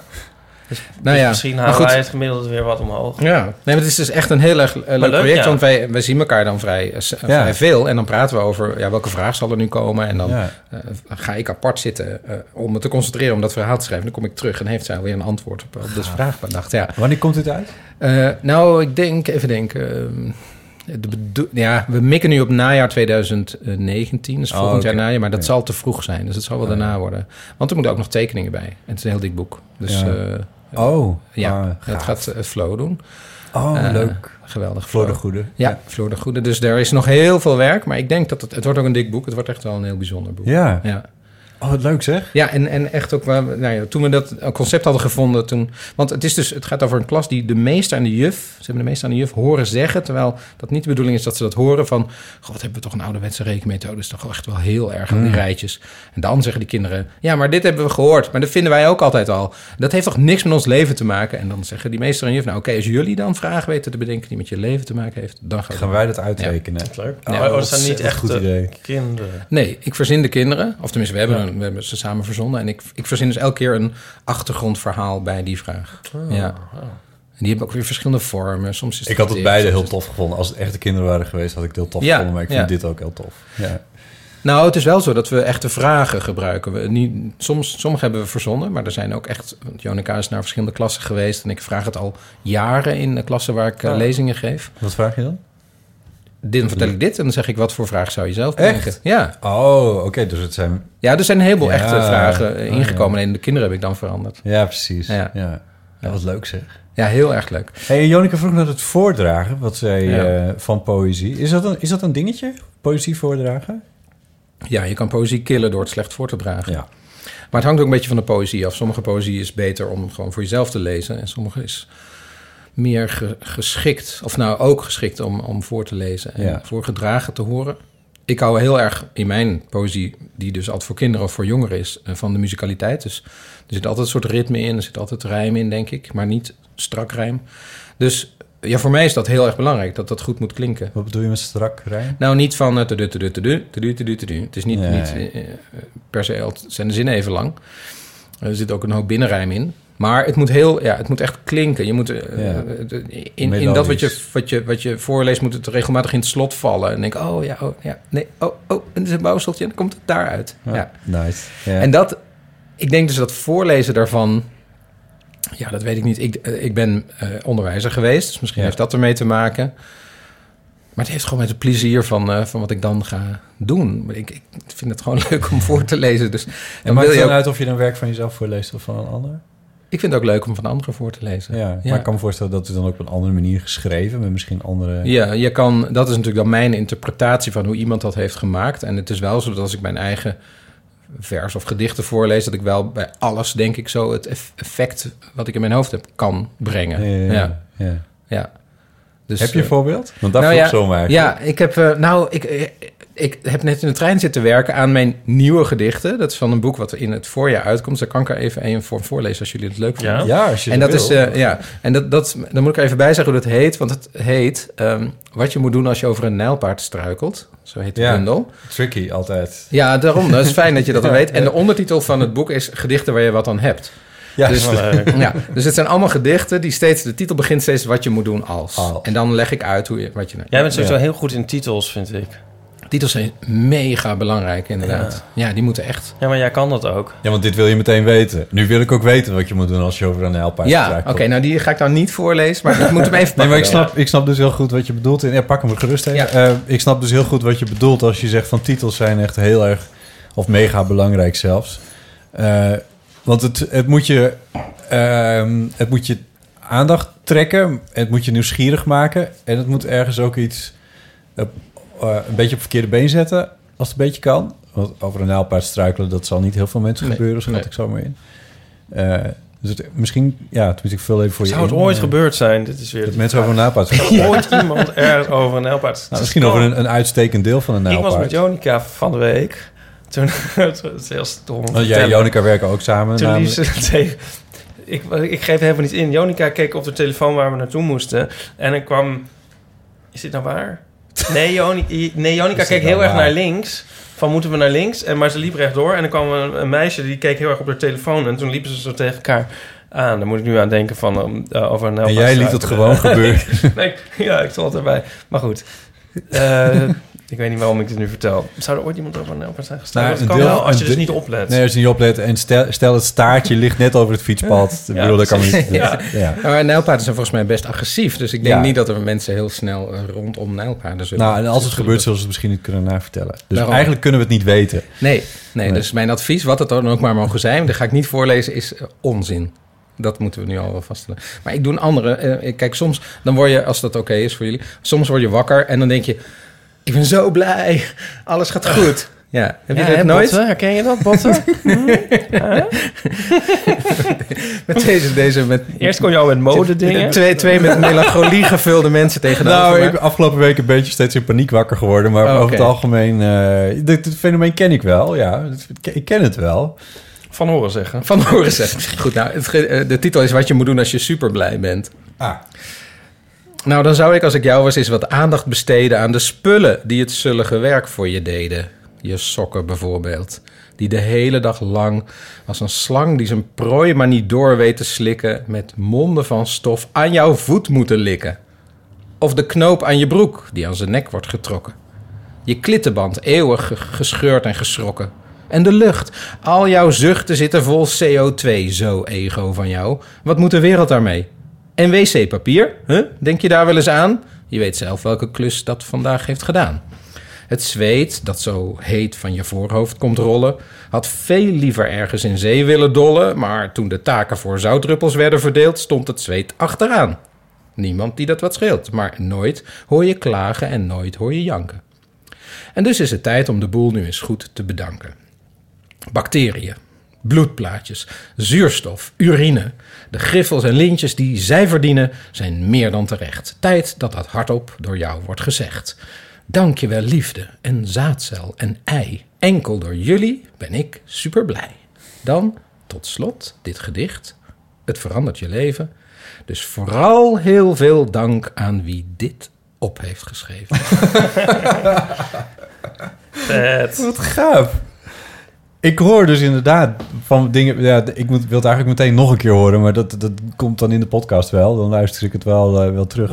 Ehm, eh, omdat, er, omdat er heel veel dingen in zitten inderdaad... die je net, eh, die je net vertelde. Dus binnenrijmen inderdaad. Ja, ja. En, en van die metrum dingetjes. Ik kan nu ook zien hoe je het hebt opgeschreven... wat volgens mij ook veel uitmaakt. Ja, Die laatste alinea, wat natuurlijk een grappige toegift is aan het, aan het geheel, die staat hier dan. Ik zie het woord, ik kan het net een beetje lezen van dat, dat staat ook eventjes helemaal alleen in een eh, regel. ja met veel eh, enters. Want dan vertraag je het voorlezen. ja. En dus dan, dan, als Ja. het allemaal achter elkaar staat, dan ga je die lange zin in één keer Ja. voorlezen. Dan klopt die niet meer in het ritme. Want je Ja. stuurt ook het lezen dan. Ja, dat probeer ik heel erg te sturen, inderdaad. En Ja. dat doe ik zelfs in proza soms wel eens. Dat ik Ja. opeens een, een stukje apart zet, omdat er dan extra nadruk moet zijn of zo. Niet te veel, maar, dat, Hmm. ja. maar in poëzie kun je dat ongestoord doen. Ja, Ja. Ja. En ik vind het ook fijn om, want eigenlijk hoor je wel heel veel rijm als je erop let. Maar dat probeer ik echt wel een beetje te verstoppen. Dus dat het Hm. niet. We, we hebben een, in, in de hele kinderpoëzie hebben we een fantastische historie, maar die is heel erg eh, dominant aanwezig in de poëzie van Annie M. G. Schmid. Die natuurlijk geweldig is. Maar dat is zo groot dat je daar eigenlijk van weg moet blijven. Hm. Want als je dat wil evenaren, moet je dat zo ongelooflijk goed doen. Moet je beter zijn dan zij. Dat kan bijna niet. Dus eigenlijk is de, hele poëzie na de jaren 70 en 80, toen zij nog dat schreef, of ja, 60 en 70, is allemaal anders. Eerst hebben ze, is er een periode geweest van hele vrije poëzie, wat nauwelijks rijmde. Allemaal hele losse, ja, Ja. dus eigenlijk poëzie zoals volwassenen het schrijven. En ik ben daar weer, denk ik, een beetje reactie op. Met proberen het allebei een beetje te doen. er is een soort van, er is een soort voor en na Annie. G. Oh, ja. Dus Ja, iedereen zeker. is zich aan het verhouden in tot Annie M.G. Smit. Of tot Willem Wilming. Dat, is degene, ja, dat zijn de twee grootheden. Maar dat waren meer liedteksten vaak. Hmm. Maar ook dat zat vrij strak en ritmisch in elkaar. En ook met vaak evenveel, eh even lange zinnen. En met, met eh, A, B, B rijm. En nou ja, ook, ook heel veel andere rijm, maar vrij strak. Ja. Maar nu, 30 jaar later, mag je er nog steeds niet aankomen? Nou, ik doe het soms ook expres wel, omdat het dan weer... Ja, dan past het bij, bij wat ik maak of zo, maar... Ik weet het, ja, ach, er zijn zoveel verschillende dichters eh, en de, de anderen Ja. doen het misschien wel, maar ik vind het fijn. Ik heb het op een gegeven moment zo gedaan. Het is voor mij een soort lang, langgerekte slang die ergens precies helemaal neervalt. Zo, zo moet zo'n gedicht zijn op het eind. Mooi, mooi beeldspraak. En heb jij een... Dit is misschien ook weer een heel banale vraag... maar heb jij een voorkeur voor poëzie of proza schrijven? Ehm, nee, ik ben begonnen met poëzie. Eigenlijk doordat ik, ik... Ik ben uit de post gevist. Dat is al heel wonderlijk. Dat wil zeggen dat ik gewoon... Dat er niet iemand mij heeft gevraagd om een kinderboek te schrijven... maar ik heb dat gewoon opgestuurd naar, eh, Ja. naar een uitgeverij. Naar Querido, mijn favoriete uitgeverij. Dus ja, die wilde het ook hebben. Dus super fantastisch. Als je weet dat er elk jaar eh, er zit, eh, duizend manuscripten in, de- in, op de mat vallen. Eh, maar dat waren gedichten. En die had ik weer gemaakt omdat ik eigenlijk liedteksten schreef. en eigenlijk vroeger echt lied, liedjes wilde maken. Dus Yes. die waren wel heel, heel strak. En toen ehm, zeiden zij tegen mij... we zijn niet geïnteresseerd in maar één boek. We willen meer boeken. En je gaat ook eh, proza schrijven. Want je kan niet alleen maar poëzie schrijven. Dus ik wist helemaal niet hoe ik dat moest doen. Omdat je anders niet verkoopt? nou ja, Querido was toen en nu nog steeds echt een uitgeverij die zei... we zijn geïnteresseerd in oeuvres en niet in Ja. een los boek af en toe. Dus ehm, nou ja, en toen ben ik dat maar gewoon gaan doen. Inmiddels schrijf ik meer proza dan poëzie. Ik vind poëzie leuk omdat het... het is heel banaal, maar het is gewoon sneller af. Dus dan kan ben sneller gelukkig. proza is heel erg moeilijk, vooral een lang boek. gelukkig Ja. te pakken, ja. Ja. Ehm, Maar is dat echt zo trouwens? Is dat niet een soort sublimatie, poëzie zeg maar, van heel veel werk? ja, natuurlijk. Ja, ja. Nee, er zit heel veel... eh, Maar is het echt sneller af dan? Nee, dat in feite niet. Maar gewoon het letterlijke schrijven is soms, kan soms eh, sneller af zijn. Ik heb jarenlang een, een, heel veel korte versjes geschreven. Super Guppy heette die hele serie. Dat had een aantal boeken. Ja, die, dit waren vijf, zes regels. Dan gebeurde het wel eens dat ik, terwijl ik aan een ander gedicht dacht, opeens dacht, oh, dit, vloep, en in één keer stond Ja. het er. Ja, dat is fijn. Dat Ja. heb je natuurlijk niet bij proza. Maar ik vind zo'n klus geklaard hebben, vooral bij jeugdboeken, dat er opeens zoiets is waar, en er zijn er dus personages waar mensen, als het gepubliceerd is, ook nog wel eens iets over zeggen of van vinden of van houden of Ja. om een vervolg vragen. Dat is oneindig gelukkigmakend. Hmm. En dat is ook een rechtvaardiging voor het, voor het schrijven, vind ik. En is het niet ook zo dat boeken die je als kind aan je worden voorgelezen... of die je zelf voor het eerst leest... Ik bedoel, ik weet dat allemaal nog eigenlijk. Mhm. Ja. Ja. waarschijnlijk niet. Ik bedoel, degene die ik niet meer weet, die weet ik natuurlijk niet meer. Maar er zijn wel... Het, het maakt wel heel snel veel, veel indruk. Toen ik begon met lezen, dat waren... Toen begon... Hè, meer, maar dat zijn dan meer boeken, zeg maar. Maar dat waren dan de chameleonboeken bijvoorbeeld. Ja. Dus die hebben een onuitwisbare indruk op mij gemaakt. Ja, op Die- mij ook. Dat was Ja. mijn favoriete serie. Ja. Ja? Ja. Het is een eindeloze Weet je ook nog welk deel? Welk deel ik... Ja, wat eh, vond je het mooist? Welk ik het mooist vond? Ja. Ja, het maakte me eigenlijk niet zo gek veel uit... zolang die tweeling eh, in die... eh, eh, ja, ik was fan van Hielke. Dus hoe meer die op de voorgrond kwam... eh, hoe, het was een eh, tweeling. eh, Waarom ja, Hielke meer dan Sietse? I don't know. Nou, de, Sietse was iets meer forward of zo. die, ja. was iets meer, die, was, die durfde wat meer. En Hielke die was wat bedachtzamer of zo. En dat, dat sprak me meteen wel aan. Ja. Ik weet niet precies wat dat was. Maar ja, er was dus er was één deel, dat was mijn lievelingsdeel, wat ik denk, denk 40 keer opnieuw heb gelezen. En daar moesten ze koeien gaan redden uit een weiland wat onder water gelopen was. En die koeien, kan je dat beeld herinneren als nu ik ik het zeg? niet. Ik heb ze die stonden met hun neuzen boven water. Oh, wat een En beeld. Nog net op het eind Ja. waren de redders van de chameleon, zo heet het Ja. deeltje ook, waren Oh, ja, om die ja, ja, koeien mee te krijgen. van de chameleon. Ja. Ja. Oh, ja. Ik denk wel dat hij in mijn, eh, in mijn, mijn serietje zat, ja. Ja. ja. Ik kan die verhalen me ook niet allemaal meer Nee, ik ook niet. Ik weet alleen dit nog. Ja. Ja. Ik weet nog wel dat ik... Het eerste chameleonboek wat ik kreeg... dat heeft denk ik eerst wel een paar maanden op mijn nachtkastje gelezen, gelegen... omdat ik niet door, door de eerste eh, regel heen kwam. Want die... Ik denk dat ik hem ook nog kan reproduceren. Eh, iemand die zei iets over... eh, ik ben niet zo fataal of zo. En ik wist niet wat fataal Oh, was. ja. En dat bedoelde dan vitaal. En ik wist ook niet wat vitaal was. En dat, waren de eerste twee zinnen. En op zich was dat dan wel grappig. Ik vind het nu wel grappig dat iemand zich verspreekt of zo. Maar, eh, maar toen kwam ik er niet doorheen als jochie van... hoe oud ben je dan? 9, 10? Ja. Eh, 19? dus 9,10. Ah. Eh, en... eh, eh, ja, anyway. Mag, mag ik wat Daarna vragen heb over... ik ze over- kapot gelezen allemaal. Ja, ja. Ja, ja, over... over ehm, ik vroeg me af hoe dat bij jullie zat. Ik weet, la, laatst vroeg iemand mij dat. Die vroeg, eh, hoe, wanneer weet je als jongen dat je op jongens valt? Weet je dat al heel vroeg? En had het bijvoorbeeld invloed... Daar, daar wil ik niet over vragen, maar had het invloed op de boeken die je mooi vond als kind? En toen dacht ik, oh ja, ik kreeg van goedbedoelende ooms en tantes van die echte jongensboeken. Ja. Van eh, jongens die dan eh, met de VOC gaan varen en zo. En die wilde ik echt niet lezen. Terwijl ik was volgens mij niet zo uitgesproken, maar en ik, dat wilde ik echt. Dat, ik, ik wist gewoon dat het niet bij me past. Hebben jullie dat soort herinneringen? Ehm, ik kan wat je nu zegt eventjes niet helemaal loszien van wat ik net over Hielke zei. Ja. En dat zag, Ja. zag ik sowieso al niet los. Misschien komt Edward er zo Maar dat is natuurlijk... Ja, maar dat... Ja, want wat je dan bedoelt... Wat, oh, eh, de link die dan gelegd was... Was je dan verliefd op Hielke?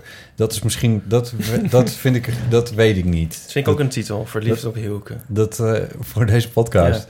Ja. Ik, dat weet ik niet. Nee. Eh, ik snap je vraag wel. Ehm, maar ik vind de chameleon wel... Is dat een jongensboek? Ja, dat is wel een jongensboek. Ja, dat, ja, uitgesproken dat- jongensboek. jongens je spelen daar wel de hoofd. De spelen, eigenlijk- spelen de meisjes überhaupt een rol? Ja, er is één meisje af en toe, maar dat is, die, die, die is niet zo van belang, geloof ik. In het, Nee. nee. maar ik bedoel eigenlijk, Ja. het gaat over representatie. Ja. In dat kader werd me die vraag gesteld. Er is nu een, een, een terechte, steeds luider wordende oproep om Ja. veel meer boeken voor allerlei soorten kinderen te maken. Ja. Kinderboeken. Waar was het nou? Afgelopen Ja, Pim heeft... voor eh, hebben die presentatie van Pim Lammers. Pim Lammers heeft daar dingen over gezegd. En die was Ja. van de week bij, eh, bij een radioprogramma. Radio dat hij nog eens 1 Vandaag. herhaald. Ja. Ja. de optimist was hij daar. En daar deed hij die oproep. Ja. En toen dacht ik, heb ik dat nou gemist als kind? En Ja. toen dacht ik, ja, ik heb dus wel... Dus ik ben automatisch geneigd om te zeggen... nee hoor, heb ik helemaal niet gemist. Maar meteen erachter, dacht ik, maar ik las helemaal niet zoveel. En zou dat nou komen dat het mij toch wel... die, die echte stoere jongensboeken werden gegeven? Maar wat had je dan? Ja, precies. Ja. Dus ik denk dat er dus... dat de jongens, de hoofdpersonen... die in mijn boeken waar, eh, die, werden, mij, die mij werden aangeboden... waren altijd hele stoere jongens... waar ik me helemaal niet mee kon identificeren. Nee. Dus ik denk echt wel dat als ik boeken had gevonden die ja, waar, waar jongens zachter waren of andere dingen leuk vonden, dat ik dat dan meteen had verslonden. Ik weet het niet. Ja, misschien. Ik heb niet zo... Ik, Ik, eh, eh, ik, ja, sorry, ga je gang niet. Nou, ik, ik weet niet of ik in die zin... Of, ik las volgens mij meer gekkere dingen of zo. Ik zag ook op jouw Wikipedia... Die hebben wij... Dat, er komt nog, Wikipedia. Maar dat jij eh, Wim Hofman was, staat ook als bron... Of hoe heet het? Een van mijn favoriete schrijvers Ja, en, en inspiratie. Dat vond ik heel leuk. En, Ja. ehm, maar dat zijn dan een soort heel gekke boeken... Ja. die soort een beetje buiten de... Ja, absurde, absurde ja. verhalen. Ja. En dat, dat vond ik leuke dingen. En met een, een, volgens mij iets met een spookje, maar niet Casper het spookje, maar een ander spookje. Ik weet niet meer. En ehm, het malle ding van Bob Stiek vonden wij heel leuk. Ja, dat is echt een fantasieboek. Ja, eigenlijk. oh ja, en de kleine kapitein vonden wij heel leuk. Is die stoer? meteen een meervoud omdat je... je Oh ja, zus- omdat ik altijd een zusje erbij had. Ja, Ja. ja, ja. en ehm, oh ja, en trouwens ook wel Annie M. G. Maar jullie lazen dus hetzelfde? Ja, Jij en je veel wel, zus, ja. ja. ja. En dat kregen we dan ook weer door van mijn oudere zus. Dat is wel grappig, want dat is dan dus wel weer... Ja, Maar dat gaat een beetje voorbij, allemaal rollenpatronen, zou ik maar zeggen. ja. Ja. Nou ja, er zijn heel veel eh, boeken, juist, kinderboeken, juist zodat ze fantasie gebruiken, die heel open zijn, waar je allemaal met alles kunt identificeren. Je, in principe kan, kan een boek gaan over een tafel die tot leven komt. En, maar die, en daar, als het goed geschreven is, dan voelt elk kind die dat leest, Ja. voelt zich die tafel. En dat is het geweldige van kinderen. Maar, Maar toch. ja, maar, maar wat is dat? Ja, maar dus dan de representatie. Ik weet niet zo goed wat ik dan had willen zien als kind. Pim zei dat hij al op zijn zesde, zevende, achtste wel misschien voelde dat hij anders was dan de andere kinderen. Maar dat hij daar geen woorden voor kon geven. En dat hij toen op zijn tiende een, la- een boek las waarin twee, twee jongens verliefd waren. Dat hij toen dacht, ja, dit is een boek over mij en voor mij. kijk, ja, die begrijp ik wel heel goed. Ja. Dat had ik denk ik wel... Nee, die- ik zit nu ineens te denken van... misschien was ik wel verliefd op Hielke. Dat zou zomaar kunnen. Eh, alleen dat gebeurde natuurlijk niet. En het was een in, in dat boek speelde dat überhaupt nergens op een of op wat Nee. voor manier dan ook maar een rol. Eh, maar, dat had ook te maken met dat ik, maar ik, ik, was een, ik was een boerenzoon. Ik had heel vaak overal aan in die periode. Dus ik, en en ik, ik heet ook nog Jellema. Dus dan, weet je, de boer Jellema was natuurlijk ook nog een belangrijke personage. In die, Oh, ja. kwam van een boerderij. Ja. Dus dat kwam op heel veel manieren heel dichtbij. Ehm, maar had het dan geholpen als er... Ja, misschien wel. Misschien wel. Maar ik moest net eventjes denken aan... ehm, dat was heel grappig. Eh Pim zijn eerste jeugdboek. Dat was eh, Het lammetje dat een varkentje wil. Of het varkentje dat een lammetje... Nee, Het lammetje dat een varken varkentje is. wil. Nee, Het Ja. varken is. Ja, Ja, precies. ja, Eh, dat boek heb ik gegeven aan de kinderen van mijn, van mijn jongste zusje. En even kort waar het over gaat. Is een, eh, er is een, een, een, eh, een lammetje dat eh, zich niet helemaal op zijn plek voelt. En die gaat naar de, naar de dierenarts. En de dierenarts, oh, maar dit, dit, lammetje, dit lammetje wil eigenlijk een varkentje zijn. En, uiteindelijk worden de haartjes afgeschoren. En dan gaat dat lammetje met varkentjes spelen. En dan is iedereen gelukkig. Heel simpel verhaaltje eigenlijk. Ik vat het waarschijnlijk niet goed samen, maar daar komt het wel ongeveer Ja. op neer. Ik had dat aan mijn, ehm, eh, aan mijn zus gegeven. En die heeft... eh, een, eh, haar oudste is, eh, is vrij slim. Hoog intelligent is dan ook weer meteen zo'n term. Maar goed, dat is een, een, wel een kindje wat een beetje anders is. En die weet dat eigenlijk ook wel een beetje. En mijn zus zei dat, dat zij dat had gelezen. En dat zij zich dus heel erg herkende in... Terwijl eigenlijk dat verhaal een beetje, ook een beetje over transgender-achtige Ja, dingen ja. gaat. Dat zit er wel op de achtergrond speelt. En hier was dus een, een, een meisje van, eh, nou toen zes, zeven... die merkte dat ze op, op, een heel, op een heel ander gebied anders was dan de andere kindjes. En daar ook zich gesterkt in voelt van... oh, maar je kan dus anders zijn en dan kun je het ook heel leuk hebben. Ja. Wat ik prachtig vond. En, en Ja, dat is die had ik mooi. nooit verwacht. Dat Nee. is meteen op Pim eh, doorgestuurd. Wat van, fijn, eh, ja. ja. Nou ja, maar dat, het, het, het toffe van dat boek is natuurlijk al het onderwerp, maar ook hoe de anderen reageren. Ja. Want eerst zeggen die, eh, het, het is dus een, lammetje wat in de, in de modder gaat rollen. Ja. Dus die, eh, vertoont gedrag wat een varken zou doen. ja. En die anderen zeggen allemaal, nou als jij een varken bent, dan zijn wij een vliegtuig. Ja. En dus dat, die kant is er wel. Maar vervolgens zegt de, de, de boer meteen van, oh, de, de- klopt iets niet, je moet naar de dierarts. En de dierarts doet zo natuurlijk, zegt, oh ja, nee, maar het is ook geen lammetje, het is een varken. Ja. Oh ja, maar hoe moet dat? Weet je, dus dat, eh, het Ja. feit dat die reactie er Ja. is, dat is eigenlijk volgens mij de echte waarde van dit boek. En ik kan me voorstellen dat zo'n meisje dat gevoeld heeft. Ja, ja het is- het is helemaal niet gek. Nee. En, en wat ik er dus tof van vind, is dat eh, dit is best wel een abstracte notie. eh, wat een meisje van zes dus kan maken bij, eh, bij dat boek. Ja. Het, het, het boek heeft al een abstracte notie, namelijk dat het ook over transgender kan gaan. Mhm. Ehm, maar, eh, maar, maar deze. Het is veel breder. nichtje- ja, Ja. En, maar zo flexibel zijn kinderen Ja. dus kennelijk. Ja. Die kunnen heel wat. Ja, misschien zij, maar ze, ze kunnen heel wat hebben. Ja. Eh, wat ik misschien... Ik weet niet of ik het helemaal bedoel als antwoord op jouw vraag... maar misschien ook weer wel. Van ehm, in hoeverre je je kan identificeren met, met, met de hoofdpersonen in, in je boek. Dat gaat bij kinderen volgens mij wel vrij makkelijk en vrij snel. Ja, klopt. Maar Ik weet wel dat ik toen ik eenmaal voor mezelf erachter was... dat ik homo ben... vond ik het wel helemaal te gek om, om al die coming-of-age-achtige verhalen tot me te nemen. Dat is eigenlijk nog steeds aan de hand. Maar ja, die, want daar, dan wordt het ineens wel heel concreet en kun je je daarin herkennen. En ik denk dat Pim er wel een punt heeft hoor, als hij dat zegt. Het was misschien voor mij ook wel goed geweest als ik dat ergens op mijn twaalfde keer had gelezen, dat twee jongens op elkaar verliefd werden. Ja. Dat was iets waar ik tot mijn zestiende ongeveer niet echt de woorden voor kon vinden. Nee. Nee. Nou, ik, ik denk zelfs ik, tot later nog wel. Maar Ja. vooral ook dat ik dan ergens had gelezen dat dat eigenlijk eh, Ja. gezien werd. Ja. En dat dat heel erg normaal was. Ja. Maar ik bedoel dan weer niet, juist inderdaad niet op een hele expliciete manier. Nee, maar in Het toffe van kinderboeken is Ja. inderdaad, en van kinderen, is dat ze in principe overal in willen meegaan. Dus inderdaad, in een dansende tafel, dat kunnen ze zijn. Als dat maar goed in- ingevoeld wordt beschreven. Ja. Dus er kan ontzag, ontzaglijk veel. Maar is dat ook bijna niet dan in zo'n chameleon op een niet expliciete manier dat daar een soort... Daar kan je het ook bijna op projecteren dan misschien wel, toch? Ik bedoel, als het voor jezelf niet zo... Ik kan het niet Ja. duidelijk zeggen. Ja, voelde dat je je ook. hielke ook. Ja, ik denk het wel. Soms wel, ja. Ik voelde me in ieder geval niet zietsen. Dat Dat was de Want die was iets te stoer. of- Die was met de stoer, ja. Ja. ja. ik voelde me wel echt heel interessant. Ja, ik zit ook te denken. Ik heb ze ook gelezen. Of ik dat Oh, nou ik ook moet, voelde. ik moet er echt eerst eentje gaan lezen. Ik heb er Ja. echt wel weer zin in. Shit, hoe zat dat? Wat, ik ben benieuwd of die gevoelens weer terugkomen. Of dat, wat Nou, dat het was. grappige is dat, ze, dat er, ik weet nu niet of het nu nog is, maar er werden eh, daarna, na de dood van de schrijver, Ja. zijn er nog allerlei nieuwe delen Ja. geschreven.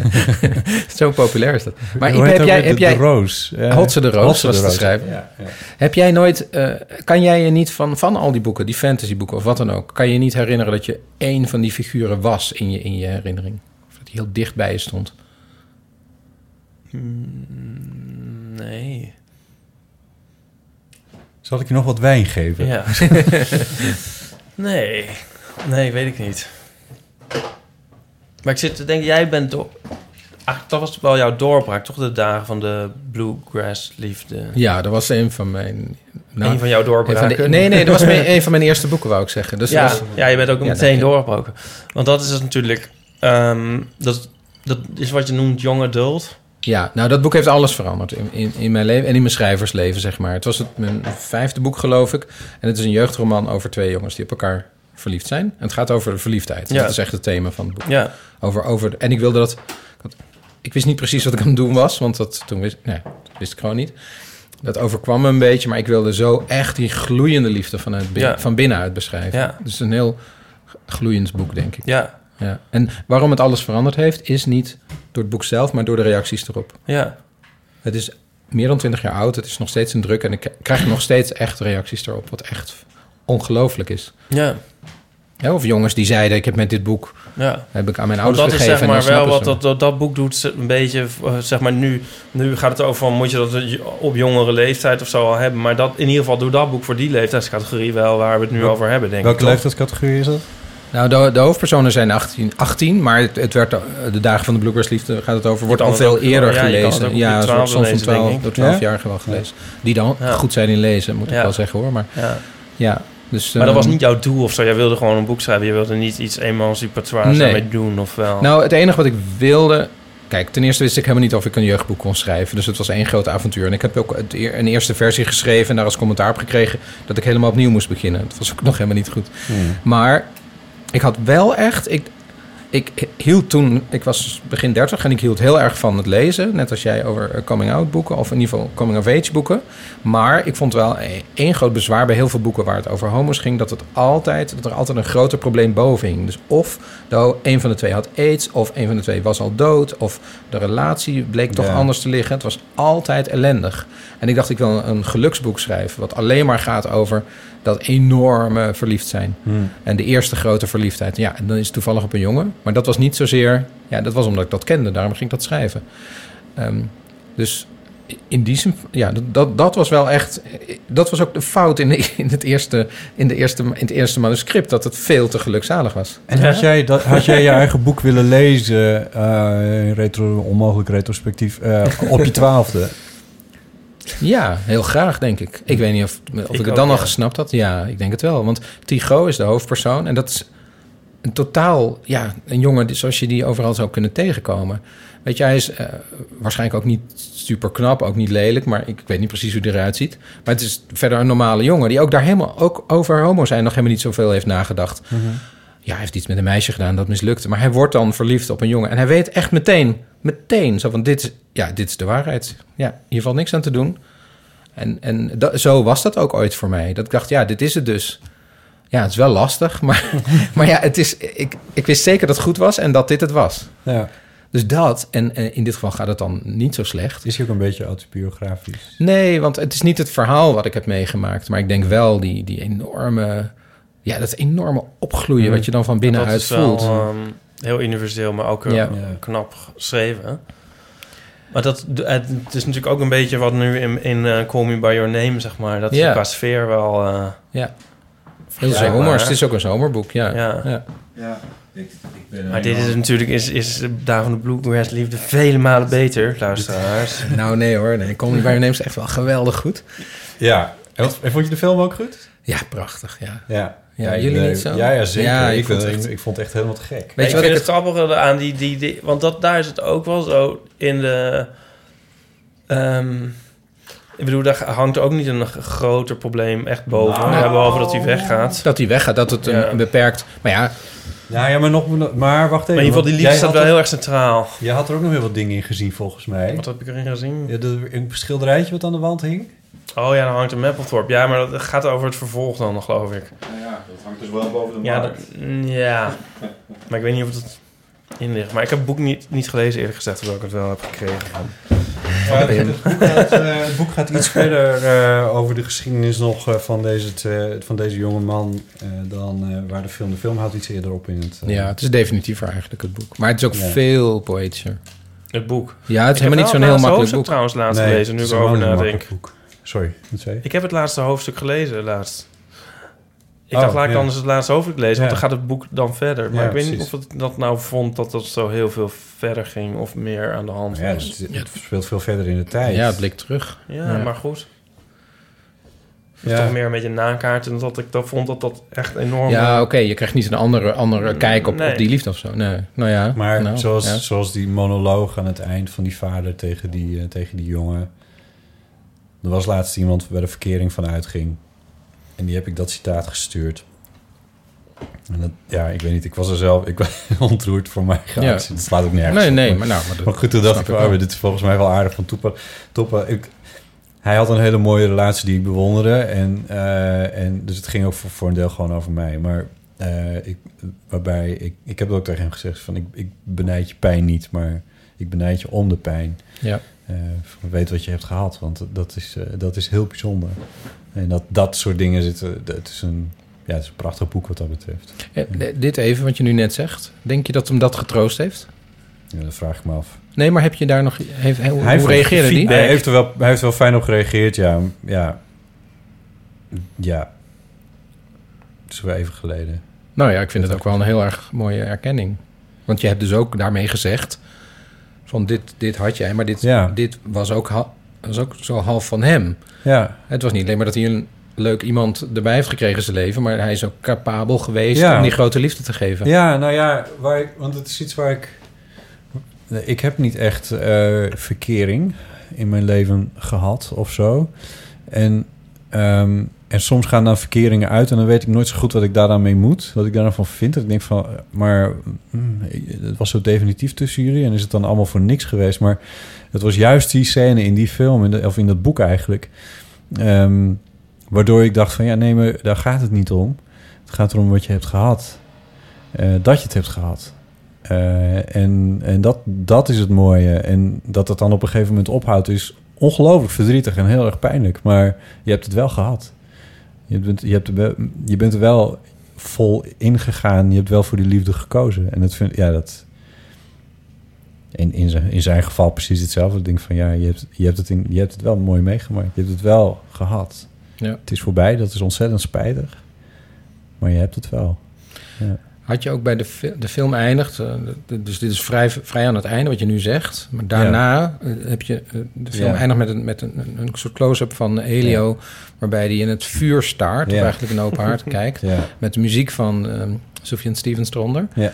En dat vind ik eigenlijk de, misschien wel het best geacteerde stuk van de hele film, Mhm. omdat je daar eigenlijk al die dingen die hij heeft meegemaakt, maar ook alles wat hem tegen, tegen hem gezegd is, waaronder dit is, zie je weer in zijn hoofd voorbij komen. Eens. Dat is Ja. echt waanzinnig geacteerd, ja. Dat is ongelooflijk Ja. goed, ja. Ja. Ik wil hem weer zien. Ja, ik krijg ook al nu het over. Maar zijn jullie niet bang? Ik, ik, eh, bij jouw boek en bij eh, de film, of bij dat boek, maar in ieder geval bij die verhalen ook een soort gevoel dat, dat die, dat soort liefde of verliefdheid een soort, ook een beetje leeftijdsgebonden is. Dat het alleen maar kan als je 18 bent? Ja, of de eerste keer of zo. Dat denk ik niet. Ja, ik weet niet. Ik, ik, ik, ik, vind mezelf wel eens een beetje dat wat. Dat zit volgens mij voor mij ook een beetje in het citaat van ik benijd je niet om. eh, zeg het citaat nog eens. Ik, ben, ik benijd je pijn niet, maar ik benijd je om de pijn. Ja, de vader zegt dat. Ja, Eh, en want die, kan je dat die zegt ook dat hij dat zelf nooit heeft gehad. Ja, en kan dat- kan dat impliceert ook dat hij het niet meer, dat hij het nu niet heeft en dat hij het ook niet nou, verwacht dat in je, de het alleen toekomst maar de krijgen. allereer, dat je het alleen maar de eerste keer zo op die manier kan hebben of zo. Nou, ik hoorde daar eigenlijk in die hele specifieke, specifieke woorden ook in dat hij eh, zelf misschien wel Ja. Een jongen verliefd had willen zijn en Ja, had gekund. ook. En dat dat Ja. niet gebeurd is. En dat eh, resoneert weer in het volgende boek van, eh, van de schrijver. Waar, waar zo...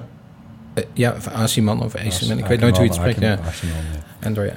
En waar, waarin zo'n verhaal voorkomt. Eigenlijk heel erg lijkend op Call Me By Your Name. Hmm. wa- Waarbij het ook gaat over een zoon die erachter komt... dat zijn vader ook dat soort gevoelens heeft. Maar, ehm, maar wat... wat je, je, je vraag is, kan het alleen maar één keer? kan het weet alleen ik maar... niet. Nou, voor Nou een ja. soort leeftijd. Nou, misschien wel de, de, Die intensiteit of zo. ja, de totale grenzeloosheid waarmee je Ja. daarin gaat. Dat, Ja. dat zou wel kunnen. Want Ja, je bent wel. behoedzamer daarna. Ja, toch? Denk ja, ik je wel. let een beetje op je hart. Ja, ja, dat is wel zo. Ja. Ja, dat vind ik ook wel weer knap. Oh, Dat vond ik dus ook knap bij het lezen van de Bluegrass liefde. Van dat je daar dat je het dan zo kan inleven, dat je dat zo kan ophalen of zo weer aanschouwelijk kan maken. Dat vind ik wel tof. Ja, maar dat heeft Maar toch... goed. Dat, Dat ja, is een dat schrijver. Heeft, nee, nou ja, dat heeft gewoon met een personage wat heel sterk Ja. is te maken. Die jongen Ja. die was er gewoon. Ja. En ook zijn Oliver, de, de, de jongen op wie die verliefd is. En die zijn er nog steeds. Ik bedoel, ik heb twee boeken over en geschreven Ja. daarna nog. En Ja. de laatste is ook alweer vijf jaar geleden, vier jaar geleden. Eh, en ik denk niet dat ik er vier over zal, zal schrijven. Maar ze, ja, ze bestaan, ze, ze leven. Ik krijg ook soms echt geweldig. Ik krijg soms brieven of mails aan die jongens. Oh ja. Of, ja, echt. Of, eh, of er is een, een, eh, een Instagram-account op hun naam aangemaakt. Of, Ja. ehm, Tigo en... en, en Oliver. En ja, dat Is soort dat dingen. toeval? Oliver?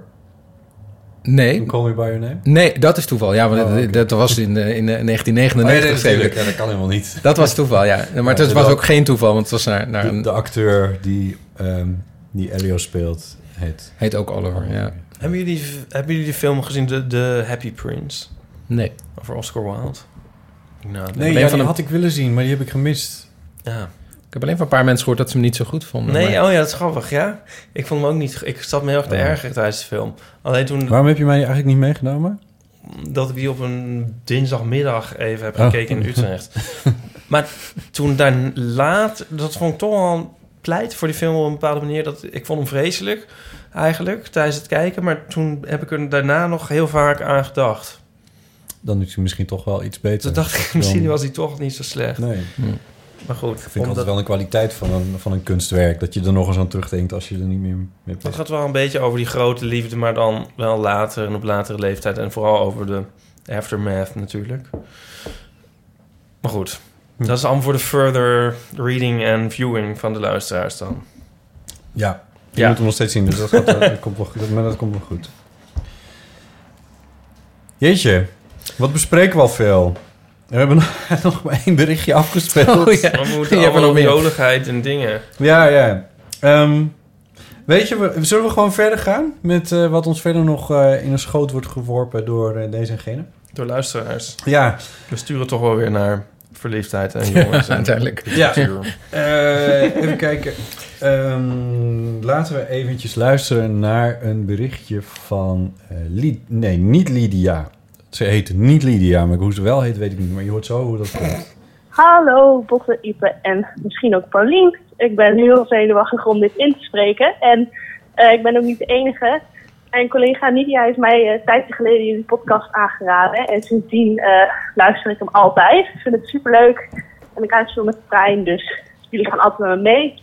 Ehm, ja, zij durfde steeds niet de eeuwenfoon te bellen, vertelde zij mij laatst. En ik zei dat ik het ook had. En eh, nu heb ik afgesproken dat als ik jullie eerst bel, dat zij dat dan ook doet. Dus bij deze, Nidia, jij moet ze ook bellen. Ehm, ja, ik wil eigenlijk om te zeggen dat eh, ik me er toch wel een beetje aan stoor dat jullie altijd grapjes maken over eh, alles buiten de ring. en dan snap ik natuurlijk ook wel dat eh, een beetje een grapje is en niet allemaal serieus. En vooral over Friesland en zo. Ehm, ik eh, kom zelf uit een heel klein dorpje bij Arnhem. En ik woon sinds twee jaar in de stad, in Utrecht. En ehm, ik had altijd echt een verschrikkelijke hekel aan het dorp. En ik wilde daar heel erg graag weg. Maar eigenlijk, nu ik in de stad woon, zijn er ook heel veel dingen die ik mis. En die je hier zeker niet eh, kan vinden, die je daar wel hebt. Eh, een heel dom voorbeeld. Ik heb er echt een verschrikkelijke hekel aan dat ik iedere week naar de afvalcontainers bij mij in de buurt moet fietsen. In het dorp wordt alles lekker opgehaald en ook eh, eh, plastic scheiden en zo. En groen afval wordt allemaal lekker apart opgehaald. We hoeven niet de deur vooruit. dat is iets heel erg stoms. Maar daarnaast denk ik ook dat eh, heel veel mensen in het dorp heel erg genieten van de ruimte en de vrijheid. En een groot koophuis wat je daar kan krijgen. En überhaupt dat als je daar een huis wil krijgen, dat dat gewoon kan en zo. Ehm, Ja, dat is ook iets wat ik heel erg mis in de stad. Ik zit in een heel klein kamertje en eigenlijk zou ik wel groter willen wonen, maar dat is niet te betalen. En zelfs ehm, als ik het zou kunnen betalen, is het bijna niet te vinden. Ehm, en zo kan ik eigenlijk gewoon meer dingen opnoemen. Ik hardloop veel en in de stad is dat toch een stuk minder mooi dan in de bossen vlak bij mijn ouders thuis. Dus ja, dat was het eigenlijk. ik vroeg me af waar eigenlijk dat eh, dan vandaan komt. Dat jullie eigenlijk niet zoveel hebben met het leven buiten de stad. Want natuurlijk zijn er dingen die je in het dorp niet kan, nooit zal kunnen vinden. Maar andersom is dat eigenlijk ook zo. Ehm, ja, oké. Oké. Dankjewel. Het is niet Lydia, want die collega heet dus Lydia. Maar hoe zij wel heet, dat heeft ze niet gezegd. Nee. Dus met eh, met ja, wat voor dat, bittere verwijten zal Lydia dan aankomen Ja, de precies. volgende keer. Ehm, eh, en, eh, en niet Lydia zegt... eh, waarom hebben jullie zo'n hekel aan het dorp? Eh, want sinds ik in de stad woon, mis ik het soms af en toe ook wel.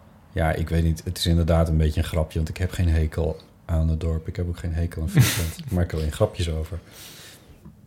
Ik heb natuurlijk wel voor gekozen om in de stad te gaan wonen. En dat, doe, ik- dat, ik woon hier wel met een reden. Ik heb net een strip gemaakt voor onze taal. Oh, mooi. Hierover. Nee, over dat je woorden, dat je dingen in de taal die je stom vindt, ironisch eerst gebruikt zelf. Ja, ja. Maar dat dan na drie of vijf keer of zo, dat natuurlijk eigenlijk dat je ze gewoon gebruikt en dat helemaal niet meer Niet meer ironie ironisch is. is. Ja. En eh, zo is het misschien ook wel met grappen over buiten de ring. Op een gegeven moment wordt het gewoon... Ja, maar waar. iedereen doet dat. Een soort zoals wij doen bijna iedereen dat. En ik las het ook vandaag in een bespreking. De Volkskrant was op bezoek gegaan bij vijf koorballen. Ja. En die hadden dan die Nou, film dat- gezien van Michiel van Erf, van Ja. Niemand in de Stad. Op basis van eh, Ja. Philip Huff, ja. En zeg maar dat de dat koorballen doen een soort ironisch koorballen. Ze, ze zeiden van wij missen in die film een beetje de ironie dan. Ze vonden de film geloof ik verder wel leuk. Maar zij zeggen dan zeg maar dingen een soort ironisch als koorballen. En in de film zeggen ze dat dan soort straight. Maar dat doen koorballen niet echt, maar ze doen het dan een soort ironisch. Ja. Maar dan zeggen ze ook zelf van... maar ja, dat is dan na een tijdje natuurlijk ook niet meer helemaal duidelijk... waar ironie Ja. ophoudt en begint. Ja. En dat, maar goed, dat is volgens mij ook met grapjes buiten de ring. Amsterdammers doen dat een soort van... haha, want dat doe je als Amsterdammer. Niemand meent het echt. Maar aan de andere kant doet Het is iedereen... wel een klein ja, beetje wel waar. Ergens is het weer, weer het oog geworden. Ja. Ja. Is mijn antwoord. Ja. Ja, ik ben het daar gewoon mee eens. Ja.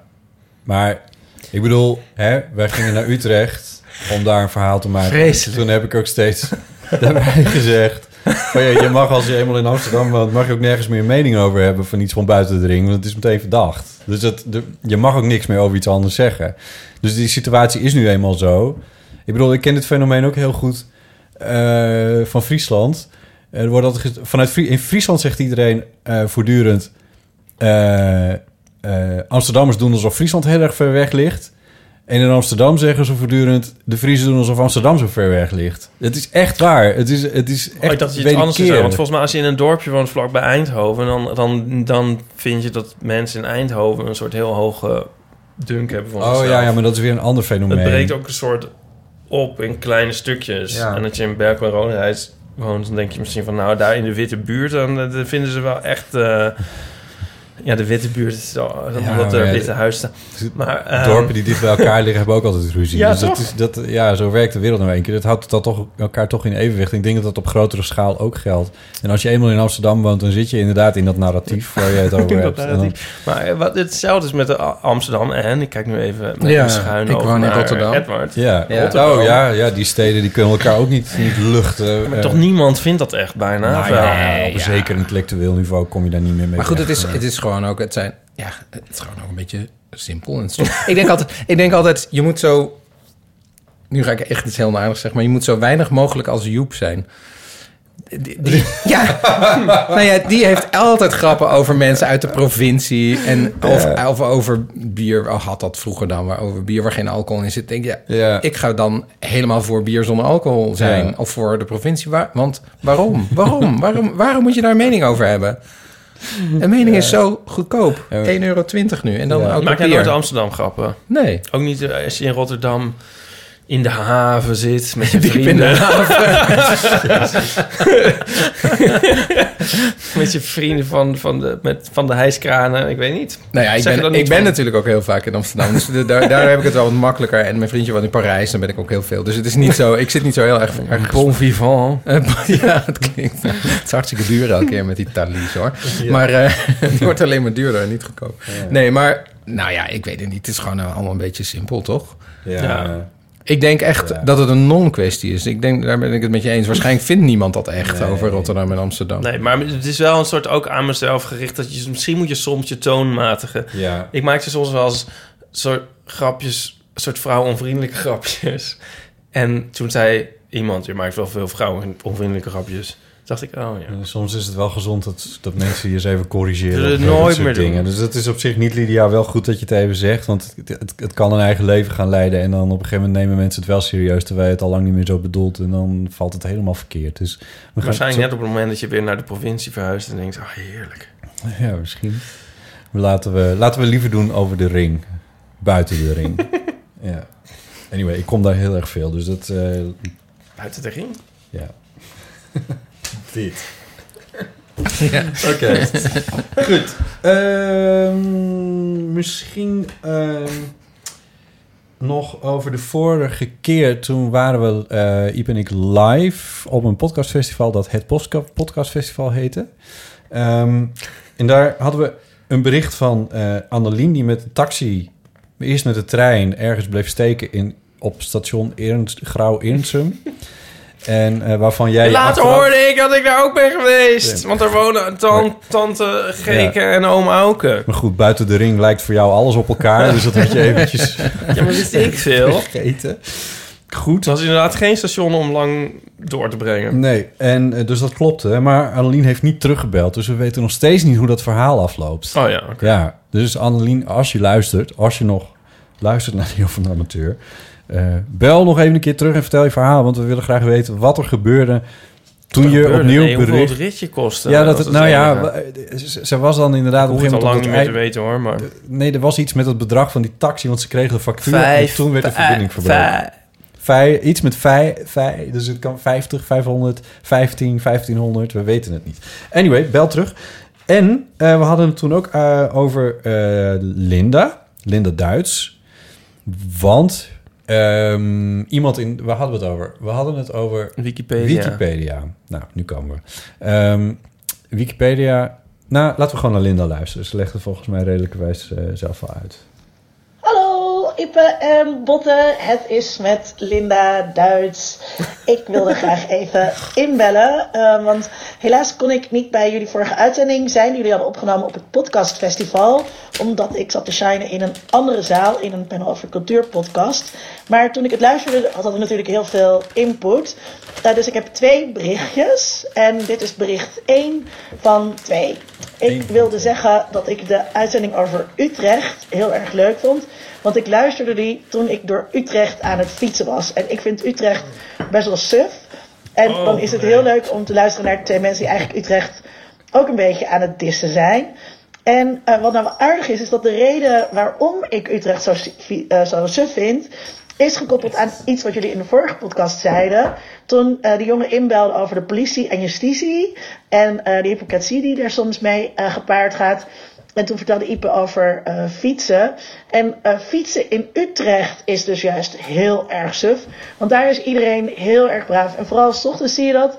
Dan bij eh, Vredeburg dan staat er een hele lange fietsfile stil op te wachten op, niks eigenlijk. En ik kan daar niet tegen. Dus dan fiets ik er langs als asociale Amsterdammer. Gewoon zo over de stoep of gewoon er helemaal omheen. En ik ben dan ook heel herkenbaar. Want ik fiets op een OV-fiets in Utrecht. Dus de OV-fiets is dan eigenlijk een soort teken om afstand te nemen van de lokale cultuur. Dus ik vroeg me af, Nemen jullie wel eens afstand van lokale cultuur? En hoe laten jullie dat dan zien? Groetjes! Hier Ja. zit een strip in. Eh, jawel, hè? Ja. Maak hem maar. Met Linda. Vindt ze vast leuk. Ja. Maar goed, ik hoop dat, dat niet Lydia in- na haar vraag, zeg maar, gestopt is met luisteren. ja, ja, dat, dat was een mooie illustratie. Nou, ik heb wel een leuk antwoord waar zij, eh, wat zij niet erg... Schuif je nou je microfoon aan de kant? hoor je me niet die nootjes. En wanneer horen we jou überhaupt? Hoor je me niet die nootjes kraken. Ja, Vertel jij me je leuke antwoord. Misschien moet Edward eerst Edward even. eerst, ja. Nou, ik zou inderdaad, als, je, als iemand nootjes gaat eten, dan ga ik echt helemaal afhaken. Inderdaad. Dat is al, dat vind ik, niet nu, maar ik bedoel, als ik als luisteraar, dat zou kunnen. Ja, maar, dat is ook wel. Maar waar moet ik antwoord op geven? Eh, nou, haar vraag van eh, neem je eh, hoe eh, neem je wel eens afstand van de lokale cultuur? En zo ja, hoe doe je dat dan? Ja, ik vrees dat ik heel erg iemand zou zijn die netjes in die rij te wachten staat. Ja, toch wel. Ja. Ja. Volgens Ja. mij is het juist andersom. Hier heb ik ook een strip over. Je wil juist, zeg maar, niet... Dat is zo'n strip met Willem. Zo, dan, dan kijkt Willem op de kaart, dan zijn we in Berlijn. En dan zeg ik, niet op de kaart kijken. Ik wil het niet dat mensen zien dat we toerist zijn. Ja. En ehm, niet hand in hand lopen, we mogen niet in de homo zijn. En dan zingt hij een liedje van The Cure mee. En eh, niet, niet The Cure mee zingen. Ze mogen niet weten dat we boven de 20 zijn. nou, en dan nog wat. Weet je wel, je wil juist altijd, toch altijd inblenden. Een OV-fiets. Zo van, oeh, ik, ik woon Ja. hier niet. Ik zou me dan gelijk een soort target voelen. Nou ja, kijk, eh, dit is een buurt waar ik woon, waar eh, onderhand toch echt wel wat meer toeristen eh, komen. Er zijn veel hotels hier omheen in de laatste jaren bijgekomen. En ehm, ik, en dat begint hier dus, zeker in zomermaanden, is, is, zijn de toeristen, zeg maar, die bepalen hier een beetje de lokale cultuur of zo. En daar distancieer ik mij dan weer van door bijvoorbeeld heel heel, heel bits op mijn fiets wel overal doorheen te, te, te jakkeren en, en, te, en al bellend. eh. Met je bakfiets. Met je Al bellend, oh, je gaat wel bellen dan. Nou ja, maar kijk, oh, dit heb ik laatst ook aan iemand uitgelegd. Van, je moet wel op een heel specifieke manier bellen, want anders, dan, eh, anders ben je alsnog een toerist. Toeristen op een fiets, die bellen de hele tijd. Maar dan krijg je Boy Cries Wolf. Dan luistert niemand meer naar je. Dus dat werkt niet. Dus dat doen Amsterdammers niet. Amsterdammers bellen één keer een stuk van tevoren, zodat je aan de kant kan springen. Als je dat niet doet, dan krijg je de volle lading. En dan, gaat het, dan ga je er als al bellend volop in. Oh ja. En dan... eh ja, nee, Oh, je echt, dan rijdt ze niet aan. Nee, maar nee, dan, maar dat is dan- niet te laden. Ja, maar Ja. dan, ja, maar dan wordt het ook echt eng.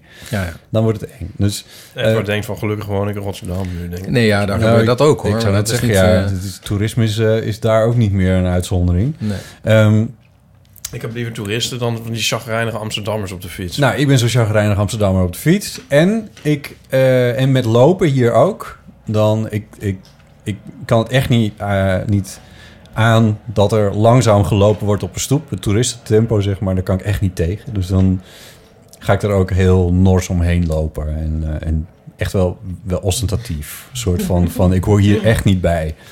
Dat, eh, Nou ja, ik, ja. dat herken ik wel. Ik bedoel, eh, maar op een, op een, ja, Eh, als ik, wat ik bijvoorbeeld dan heel erg vind, als mensen op een, eh, van een roltrap afkomen en dan voor mij onderaan de roltrap gaan staan kijken waar ze heen moeten. Waardoor, dat. Maar dat heeft gewoon toch te maken met dat er dat sommige mensen minder ruimtelijk inzicht hebben, denk ik. Die hebben gewoon niet. Wat, wat ben je mild? Nee, maar Het is gewoon om- heel kut. Nee, ik vind het ook wel vervelend.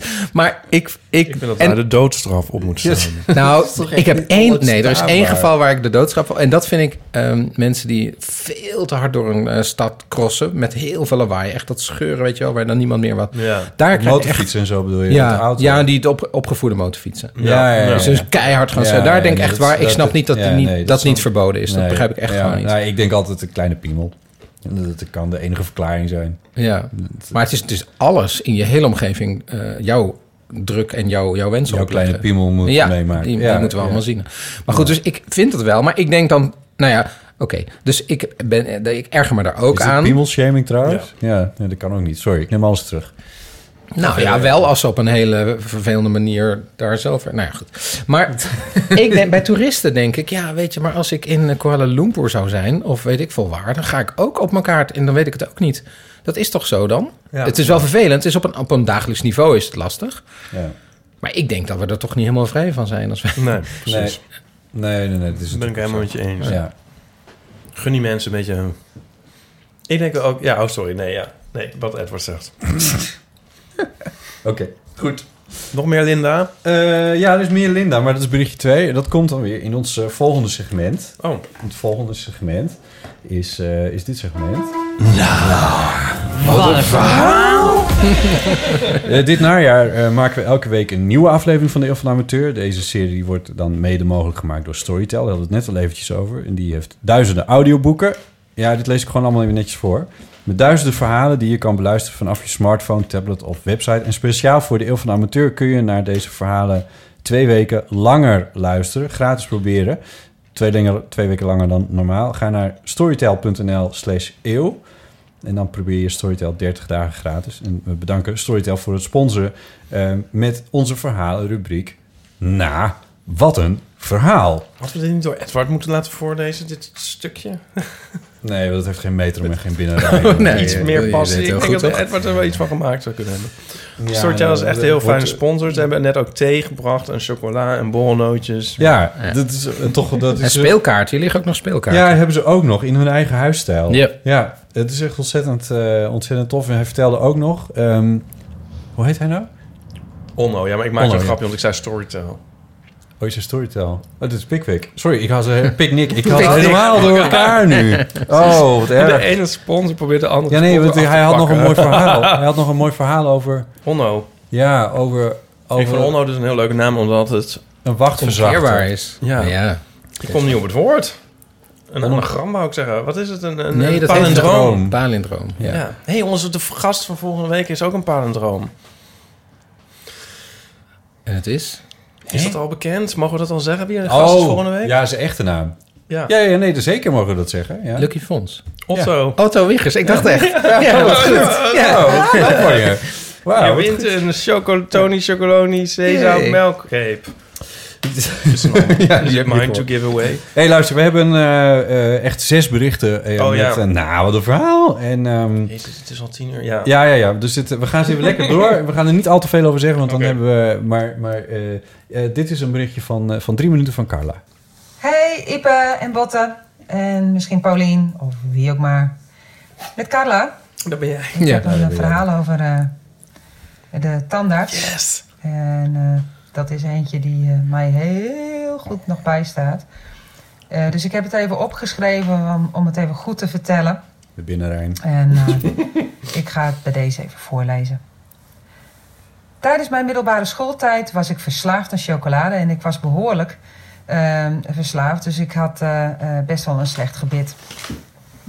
In die periode had ik bij iedere controle wel een gaatje. De tandarts was in die tijd niet zachtaardig en boorde resoluut en zonder verdoving. Daar is mijn angst voor de tandarts ontstaan. En toen ik ging samenwonen, ben ik gewoon niet meer naar de tandarts gegaan tot de komst van onze kinderen. Toen moest ik wel goed voorbeeld geven en zo. Als gevolg van het jarenlang verwaarlozen van mijn gebit moest ik een jaar of acht geleden een wortelkanaalbehandeling ondergaan. Onze vaste tandarts was met zwangerschapsverlof en er was nog iemand langdurig afwezig, dus had de praktijk een externe tandarts ingehuurd. Terwijl ik vol zenuwen plaatsnam in de stoel, begon de tandarts mij gerust te stellen. Door wat te kletsen. Hij vertelde een reizende tandarts te zijn en dat hij normaliter vanuit een camper zijn werk deed. Hij was ook wat zoekende in de praktijkruimte. De stoel lag steeds ongemakkelijker makkelijker en intussen maakte de tandarts zich op voor de verdoving. Ik moest mijn mond open doen en ik voelde de naald al in mijn linkerkaak prikken. Terwijl de wortelkanaalbehandeling toch echt aan de rechterkant moest worden gedaan. Oh mijn god. Ik gelijk van die oh, oh geluiden maken en daarop schrok de man en hij vroeg wat er was. Ik hem uitleggen dat hij aan de verkeerde kant de verdoving wilde zetten. Hij keek even in de computer en zei: Oké, patiënt grijpt in, u heeft gelijk. Tuurlijk had ik gelijk. Hij voegde eraan toe dat ik net op tijd was, want werken met een dubbele verdoving aan beide kanten kon niet. Oh, Ik zou dan een totaal verlamde kaak krijgen en dat zou niet werkbaar zijn. Ook voor mijzelf zou dat erg onprettig zijn. De man werkte verder. Intussen vertelde hij mij, terwijl ik geen kant op kon, dat hij een tijdje niet gewerkt had als tandarts, omdat hij een psychose had gehad en daarvan was hersteld. Hij had ook wereldse plannen, wilde met zijn camper in het buitenland gaan werken en zo arme mensen eh, helpen aan een mooi gebit. Zijn verhalen waren steeds mooier En hij maakte intussen allemaal grapjes waar ik juist meer en meer ongemakkelijk van werd. Ik vroeg me dan ook af of die psychische klachten van een man wel echt goed waren behandeld. Wat was ik uiteindelijk blij uit de stoel te komen. De wortelkanaalbehandeling was wel geslaagd, maar de tandarts zelf werkt al heel eh, lang niet meer bij de praktijk. Volgens mij heeft hij er echt maar een paar weken gewerkt. Blijkbaar beviel hij toch niet zo goed. Dat was mijn verhaal.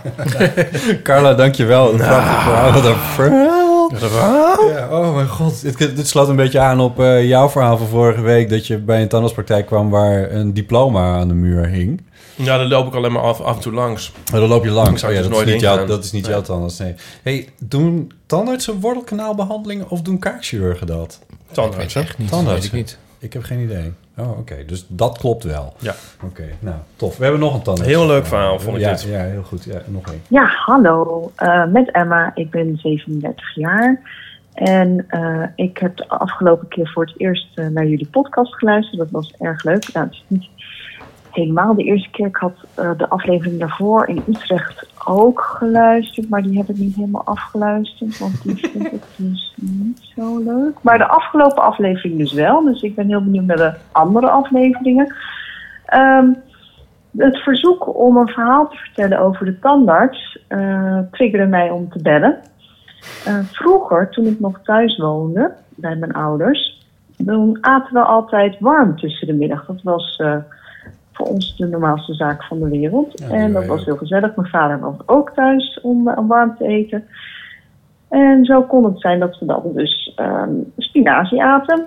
Heerlijk, met rosbief. En omdat een tandartsafspraak ook gewoon altijd overdag is, kan het dus zijn dat dat na het middageten gebeurt. En mijn vader die, eh, eh, die had een afspraak bij de tandarts. En die kwam die avond terug eh, na zijn werk. Eh, want we gingen tandarts naar, naar zijn werk. En toen we in huis. En hij vertelde, ja, ja, eh, want we vroegen, nou, hoe was het bij de tandarts? Ja, dat was wel even ehm gênant, want ehm, ja, ik lag daar en die vrouw die, die had die haak. En die, die zat te vroeten en in één keer ehm, ja, zat, eh, zat er iets klem en toen trok ze heel hard en toen spatte er zo eh, een klein stukje rosbief op haar wang. Oh mijn god. Ja, dus dat was wel een eh, gênant moment. en ehm, ja, dat, dat is me altijd bijgebleven. Nou ja, ik weet niet of dit iets is voor jullie eh, rubriek Wat een verhaal. Maar Nee, ik vond het nogal een verhaal. Ja. Dus eh, dat was hem. Dag. Dag, dag, dag. Dankjewel, Emma. Mooi. ja, dat is wel gênant. Ja, wat een verhaal. Wat een verhaal. Ja. Eh, Jan, belde ook. Ja, Anne van de Eeuwfoon. Dit is Jan uit Amsterdam. En ik heb drie dingen. Eerst eh, de banaan, waarom die krom is. Dat, heb ik, eh, dat komt omdat licht remt de groei. Dus als je bijvoorbeeld een tulp neemt en die zet je neer, dan krijgt de kant waar de zon op schijnt, daar groeit die minder de cellen. En aan de achterkant groeit die harder. Dus dan buigt die vanzelf naar de zon toe. Nou, met een banaan is het net zo. Die staat links onder de ene, loodrecht onder de zon. Die sport de banaantjes en gaat nog recht. Maar als ze gaan groeien, dan groeit dus de bovenkant, dus die het meeste licht krijgt, die groeit minder dan de onderkant. En dan buigt die vanzelf zo naar boven. En dan wordt die krom. Nou, het tweede is de standaard op de Linnaeusweg. En daar, eh, daar ben ik een keer geweest en dat is me heel goed bevallen. En het is een mevrouw. En het leuke ervan is dat ze, eh, zijn, eh, dat assistent is een man. En ook iemand die de afspraak maakt, is ook een man. Dus het is een beetje omgedraaid. En ik ben geweest in de Ramadan, weet ik nog. Want zijn moslimmensen hebben gevraagd en ze doen aan de Ramadan. Ik dacht, vroeg hoe laat wil je de afspraak? Toen dacht ik, nou doe dat maar heel vroeg. Want dan heb ik tenminste nog geen honger. Ik denk dat ik dagrijnig en zo. Maar ik ben er heel goed geholpen. En, ik vond het super cool dat ik daar door een vrouw eh, behandeld werd. En er stond een man naast. En, eh, en een andere man maakte de afspraak daarna. Ik dacht nou wel, hoe moet dat nou met het liedje? Is altijd lente in de ogen van de standaardassistent. en het derde is dat ik heel vaak aan typen moet denken omdat ik een hond heb en die heet Hip. En die noem ik dan ook wel eens Hippie. Die hond is dat dan omgedraaid van Ipe. Klinkt dan toch weer anders. Dus dat vind ik, dat is wel een kwestie die bij jullie neer wil leggen. Is Hippie het omgedraaide van Ipe? Ja. Nou, dat was het zo'n beetje. En eh, ik geniet heel erg van jullie. En eh, als Ipe lacht, ja, het is zo'n aanstekelijke lach, dat, eh, ja, dan, dan word ik heel blij van. Hartstikke bedankt. En, eh, eh, dat was het. Bedankt alvast. Ja, groeten van jou uit Amsterdam. Ja. Kijk, nu krijg ik ook al vochtige ogen voor, voor, Ja, voor, mijn ik. badkuip. Snap ik, ja. Gaat afmeten. ja. Ja. wat een leuk, onwijs leuk, bericht. Ja. Kan hij altijd bellen, Jan? Ja, mag Want nog hij, een keer hij klinkt als dominee Gemdaad. Hoorden jullie dat? Ja, een beetje wel. Ja, ergens zit dat er wel in, ja. Ja. Ja. ja. Hij klonk een beetje als een import Amsterdammer. Lag het aan mij? Oh, je- ga je nou weer buiten de Oh, ring God. shaming doen? Ja, dat- nee, dat, eh, sorry, ik neem het ook weer terug. Ja. Echt heel erg lachen. En eh, is... Ja, nou weet ik het al niet meer. Het omgekeerde van Ipe. Ja, Epi. Epi. Epi, zo heet zijn hond, Ja. geloof ik. Nou ja, je, het is een soort palindroom. Als jij met je hond zou gaan wandelen, dan ben jij een levend palindroom. Dat Ja. is het eigenlijk. Ja. Wat is het voor hond, Jan? Ik weet Wil niet je hoe- dat nog eens ons ja, en laten hoe spel, weten? Hoe spel je de naam van jouw hond? Want dat is dan ook wel belangrijk. Als het inderdaad EP, EP, eh, sorry, EPY is, als, als EP, Ja. dan is het wel echt omgekeerd van jouw naam. Ja. Ja. En als je dan ook nog Lodewijk heet, dan klopt Ja, het. ik schijn soort vernoemd te zijn naar een tackle. Wat? Die Lodewijk heette. Oh, natuurlijk. Ja. Ja. uit een soort krantenstrip of zo. Of ik weet niet precies. Of Oh, uit echt? dingen. Er was een tackle die heette Lodewijk. Dat is dan Nou, je kan het al navragen, toch? Ja, dit moet je ook wel weer iets Ja. meer duiden. Ja, weet ik. het weer net niet. Nee, maar ja. ik geloof het nou. Ik heb het wel eens navraagd, maar ik geloof het niet echt helemaal. Het lijkt me een goed, een leuk verhaal wat, wat, wat je een keer op de mouw is gespeld toen je, toen je vervelend was. Ja, precies. Ja, Hey, en dit is hiermee het segmentje af van... De tandarts? Nou, wat een verhaal. Nee, er is nog Oh, is een, nog een er is verhaal? nog een, ja, sterker nog, er zijn nog drie verhalen. Maar, Over de tandarts? eh, maar Het is ook een één, gouden onderwerp. Nog hè? één over de tandarts. Hallo Botte en Ipe. Ehm, met Nina. Ik had nog wel een bijdrage naar aanleiding van je nieuwe rubriek. Nou, wat een verhaal. Ehm, een paar jaar geleden, toen eh, vond ik het heel erg leuk om Bibi Suriadi te volgen op Twitter. Dat was rond die tijd dat hij een nieuwe vriendin had. En dat hij allemaal gekke tweets postte over zijn Disneyhuis. En nou goed, dat hij dan uitging. En dat was, dat was best wel hilarisch. Dat werd een beetje een gimmick. En op een dag postte hij een tweet met een foto. Op die foto zag je hem op een tandartsstoel liggen.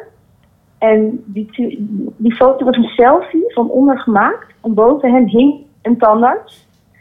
En ik keek naar die foto, dat weet ik nog heel goed. En ik keek naar die, en ik dacht, verrek. Bibi Suriadi en ik hebben dezelfde tandarts. nou, veel succes met het podcast. Eh, dit was mijn bijdrage. Eh van deze. Nou. nou, Wat een verhaal. Ja, maar deze vind ik ook echt heel erg Ik goed. vond deze is, echt ja, heel ja, goed. ja. Je hebt ze ook in oplopende volgorde gemonteerd of zo, maar... Ja. Deze, is wel, ja, deze vond ik ook wel En hier echt, zit er eh, heel veel poëzie in ook. Vind ik echt Ja, heel mooi. vind ik ook, ja. Ja. En Ja, eh, het dit is ook weer een beetje waar we het net over hadden... van dat je dus eerst ironisch Bibi Suriadi gaat volgen op Twitter. Ja. Voor je het weet ben je helemaal invested in zo'n leven van zo iemand, Ja. toch? Ja. Ik vond het heel mooi. Ja. Ehm, waar we het de vorige keer ook over hadden, want daar kwam het een, geloof ik, het- de tandarts verhaal een beetje van. Ik weet eigenlijk niet eens meer. Bibi het Suriadi heeft trouwens in Berkel en Roderijs gewoond. Net als Annie M. G. Schmid.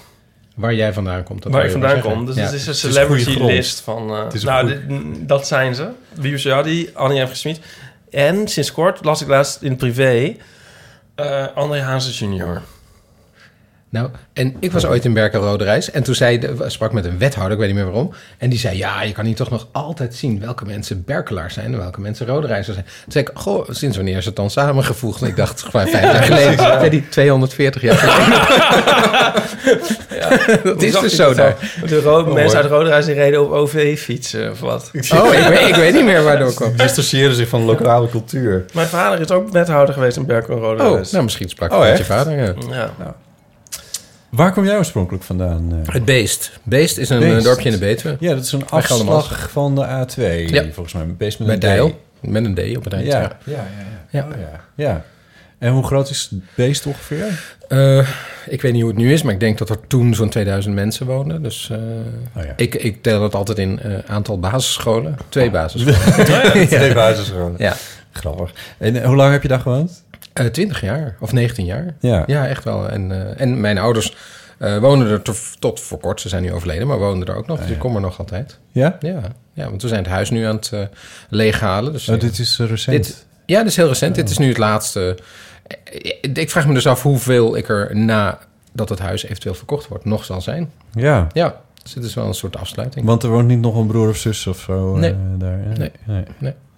Ja, dat is wel een afsluiting. Maar wel fijn, wel- dorpje en eh, mooi. En, en eh, in, in, met- in de bloesem, eh eh, daar is heel veel bloesem De, daarvan. ker, de kersenbloesem van, ja, van ja, Beest. ja, ja, ja. Nou, meer van buitenbeest, maar in ieder geval in de buurt. Ja, fantastisch. Oh, wacht even. Je hebt in de Betuwe heb je natuurlijk veel vruchtbomen. Ja, nee, het is echt in de Ja, nee, fruitstreek, ja. ja, ja, ja, Ja. ja, ja. Dus, dus, dus Eigenlijk moet je dan ja. ook in Monster gaan wonen. En dan heb je een beest en Monster gewoond.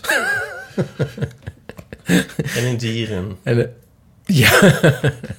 Ja, en dan nog op bezoek in Drakenstein. Ja, En- daarom hongerige wolf. Ja, precies. Zo. nou, dat kunnen we wel even door. Hongerige Wolf. Dat is een van de mooiste plaatsnamen van Nederland. Ja, prachtig, toch? Ja. Ik Is ben dat, dat helemaal in het noorden? Waar Helemaal zo'n in noorden, in? Groningen. Ja, Ja. klopt, ja. Ja. ja. Dus een soort Burning Man-achtig eh, festival. Maar dan echt een miljard keer kleiner natuurlijk. Maar eh, ja. Ja. Ik ben er een keer geweest. gevraagd. Ik heb er een keer gespeeld. Oh. Ik ben niet gegaan. Eh, oh, want? Ver. Buiten de ring. Ja, buiten de ring. Dacht ik, moet ik op de OV-fiets naar Monster? Nou, ik als ik ooit gevraagd om voor te lezen op, eh, in Hongerige Wolf, ga ik echt meteen. Dat is toch geweldig om daar Ja, maar er was gaan. iets, denk ik. Ja. Nou, Nou, dit ga je tot op de bodem uitzoeken. Ja. Ik zou het niet doen als ik jou was. Ehm, nog steeds een een kort- verhaal? ja, nog een kort berichtje van eh, Luca. Hallo, met Luca. Ik spreek nu de eeuwenfoningbericht in van... Oh, wat een verhaal. Nou ja, eh, ik luisterde met de podcast en toen ging het over slaapvallen op de fiets. En als kind eh, fietste ik soms door Amsterdam met mijn vader. En dan viel ik gewoon af en toe op de fiets in slaap.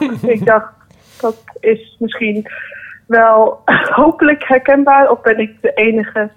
Eh, nou ja, ik ben benieuwd of dat jullie hem gaan gebruiken. Ik ook. Doei. Doei. Ik kan me niet herinneren. Ja, ik wel. Maar ja? Ja. ik weet me nog precies op de weg van de wetenschap.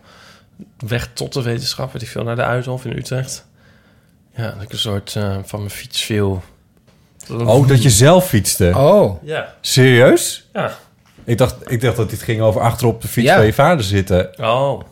Ja, oh, jij viel, op, jij viel op je eigen fiets terwijl je aan het fiets... Ja. Welke wonderlijke persoon. Ja, dat is, ik ken niemand die dat gedaan heeft. ja. Ik kan nooit iemand, dat is dan niet... Wat Vloog je ook- ook, vloog-? Wat? Nee. Maar ben je gevallen? Ja, maar het viel wel mee. het, viel, het viel mee. Oké. Mensen vallen toch ook in de auto in slaap? Ja, maar dat zit je stil. Dat is het al. Kennen jullie het gevoel, nu over in de auto in slaap vallen? Als je als kind achterin ga je dan Ja. slapen. Dan lig je natuurlijk slapen als je terugrijdt vanuit Frankrijk of weet ik veel wat. Maar ik ging heel soms op de bodem liggen. Dus op de grond liggen Oh, tussen de stoel en de bank. En dat is zo'n wonderbaarlijk gevoel. Daar is denk ik niks mee te vergelijken. Want dan zit je dus heel erg dicht bij de grond. En ik vond het ontzettend spannend, weet ik nog altijd. Dit, ik herinner me dit gevoel wel, ja. Ja, toch? Ik denk niet dat ik daarmee ga slapen. Maar ik, maar ik snap wat je bedoelt. Ik weet ja. niet of ik sliep. Nee, maar Oh, ik, ik ja. kan me wel Gewoon herinneren dat ik daar lag. Ja, Ja, ja, ja. ja nou, Ja. misschien sliep ik ook wel. Maar dat is toch een gevoel wat je nooit meer nergens ooit Nee, zult herhalen. Nee, ook omdat het nu niet meer past. Nee, het kan niet meer. Maar Ah, ja, ik ging vroeger, eh, eh, we hadden zo'n eh, Renault Station Car en dan met zo'n achterbak bak ding en dan wilde ik altijd in de achterbak, Oh ja. niet op de bank. Oh ja, En ja. dan mocht het altijd. Dat zou nu volgens mij, Ja, ik denk dat je er nu boetes voor krijgt. Ja. Ja. Mensen moeten in een gordel ja, zitten. maar dat, heel vaak zat ik dan, dus dat is denk ik daarmee vergelijkbaar. ja. ja, maar dat is ook onwonderbaarlijk dat dit mocht van mijn ouders af en toe. Want dat is natuurlijk echt wel heel gevaarlijk ook, denk ja. ik. Ja, Ja, weet ik eigenlijk niet. Ja, zou, ja toch wel. Daar onderin liggen? Moi. Nou ja, als er een bot... Ja, nee, je kan ook geen kant op. Nee, Dus misschien... eh, misschien is het wel extra veilig. dat. Ja. Ja, misschien wel. Hey, we hadden ook nog het tweede berichtje van eh, Linda te goed, hè? Dat is wel al lang hoor, maar eh, we gaan erin.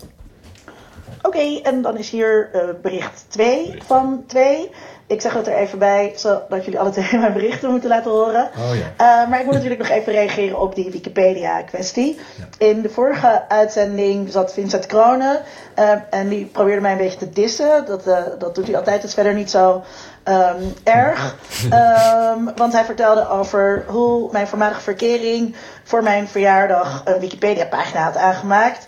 En hoe die vervolgens werd eh, verwijderd omdat ik te onbeduidend eh, zou zijn. Nou, denk ik dat Vincent gewoon een beetje jaloers is, omdat Vincent nog nooit een geliefde heeft gehad die zo'n attent cadeau voor hem had bedacht. Ehm, maar, ehm, nou ja, ik moet er dus wat nog, meer over vertellen, want er is more to this story. Nou, wat een verhaal. Eh, oh, mijn stem gaat helemaal over, dat is ook niet goed. Ja, dat is wel goed. Ehm, allereerst, ja, het is dus heel sneu om voor jezelf een Wikipedia-pagina aan te maken. Des te leuker is het dus als je geliefde dat voor je doet. Ehm, dus dat was bij mij gebeurd. En eh, toen, nou ja, die pagina was dus weer weggehaald. Maar dat was heel jammer. En toen, een hele tijd later, mailde een journalist mij. En eh, zij was bezig met het aanmaken van een Wikipedia-pagina voor mij. En ze vroeg wat informatie. Ehm, en, en om een foto. Eh, dus nou, ik vond het heel leuk hè, dat alsnog iemand eh, bezig was die niet mijn geliefde was eh, om dat voor me aan te maken. En toen mailde ze een paar weken later dat die pagina weer verwijderd was. eh, omdat eh, nou ja, ik dus te onbeduidend zou zijn. Maar deze eh, journalist was onderdeel van, of is onderdeel van een collectief dat bijeenkomt. zijn feministen. En elke, volgens mij, elke. Oh, er komt een eh, ambulance langs. Eh, elke twee weken komen die feministen bijeen in Atria. En dan gaan ze dus aan Wikipedia werken. Want Wikipedia wordt vooral door mannen eh, geschreven. En daar zit dus een mannelijke bias in, vinden die feministen. Dus zij proberen ja, dat recht te zetten door dus daaraan te gaan schrijven. En um, zij vonden dat ik belangrijk genoeg was om op Wikipedia te staan. Dus zij gaven niet zomaar op. En nu blijkt dus dat er een heel soort oorlog is gevoerd tussen die Wikipedia-schrijvers en uh, de Wikipedia-editors, dus de feministische Wikipedia-schrijvers en uh, dus die editors die mij er niet op wilden hebben. En die editors die wierpen elke keer nieuwe barrières op. Dus die kwamen steeds met nieuwe criteria waar je aan moet voldoen om een eigen Wikipedia-pagina te hebben. Dus die feministen gingen daar dan naartoe schrijven. Dus je moet zeg maar media-optredens hebben gehad. Nou, dus die, dan schreven ze die mijn media-optredens erbij. En dan zeiden die Wikipedia-editors... nee, maar nu lees het als een soort uh, overzicht van... Uh, als een soort promotieplaatje voor wat die Linda allemaal kan. dat mag niet. Het moet gaan over hoe andere mensen bijvoorbeeld zich hebben gereageerd op haar. Dus dan gingen ze dat aanleveren. Nou, heel gedoe heen en weer. Maar uiteindelijk hebben de feministen gewonnen. Er is nu een Wikipedia-pagina uh, voor mij. Uh, een aantal weken. Uh, hopelijk blijft die ook staan. Maar je ziet dus dat die het resultaat is van die gekke strijd. Dus er staat maar heel weinig informatie eigenlijk op. maar er staat wel een zinnetje op zo van... op een van haar boeken werd in veel columns gereageerd. Wat eigenlijk een beetje um, niet hoort bij, bij zo'n Wikipedia-pagina. Um, dus nou, dat was, uh, dat was dus het nou, wat een verhaal. En misschien is dat dus ook wel een hart onder de riem voor botten. Uh, misschien ben je helemaal geen onbeduidende journalist, maar heb je gewoon heel veel haters die voor Wikipedia schrijven. Oké, okay, ik heb zin in deze podcast. Groetjes. Groetjes, dankjewel Linda. Heel fijn. Ja, daar, moest ik, daar keek ik wel een klein beetje van op. Dat er dus een clubje uh, feministen is die uh, werken aan Wikipedia. En dat die dus ook nog zoveel weerstand ondervinden bij, um, uh, bij hun, ja, hun werk, zal ik maar zeggen. Weet jij wie jouw Wikipedia heeft gemaakt? Of wat nee. vind je er überhaupt van?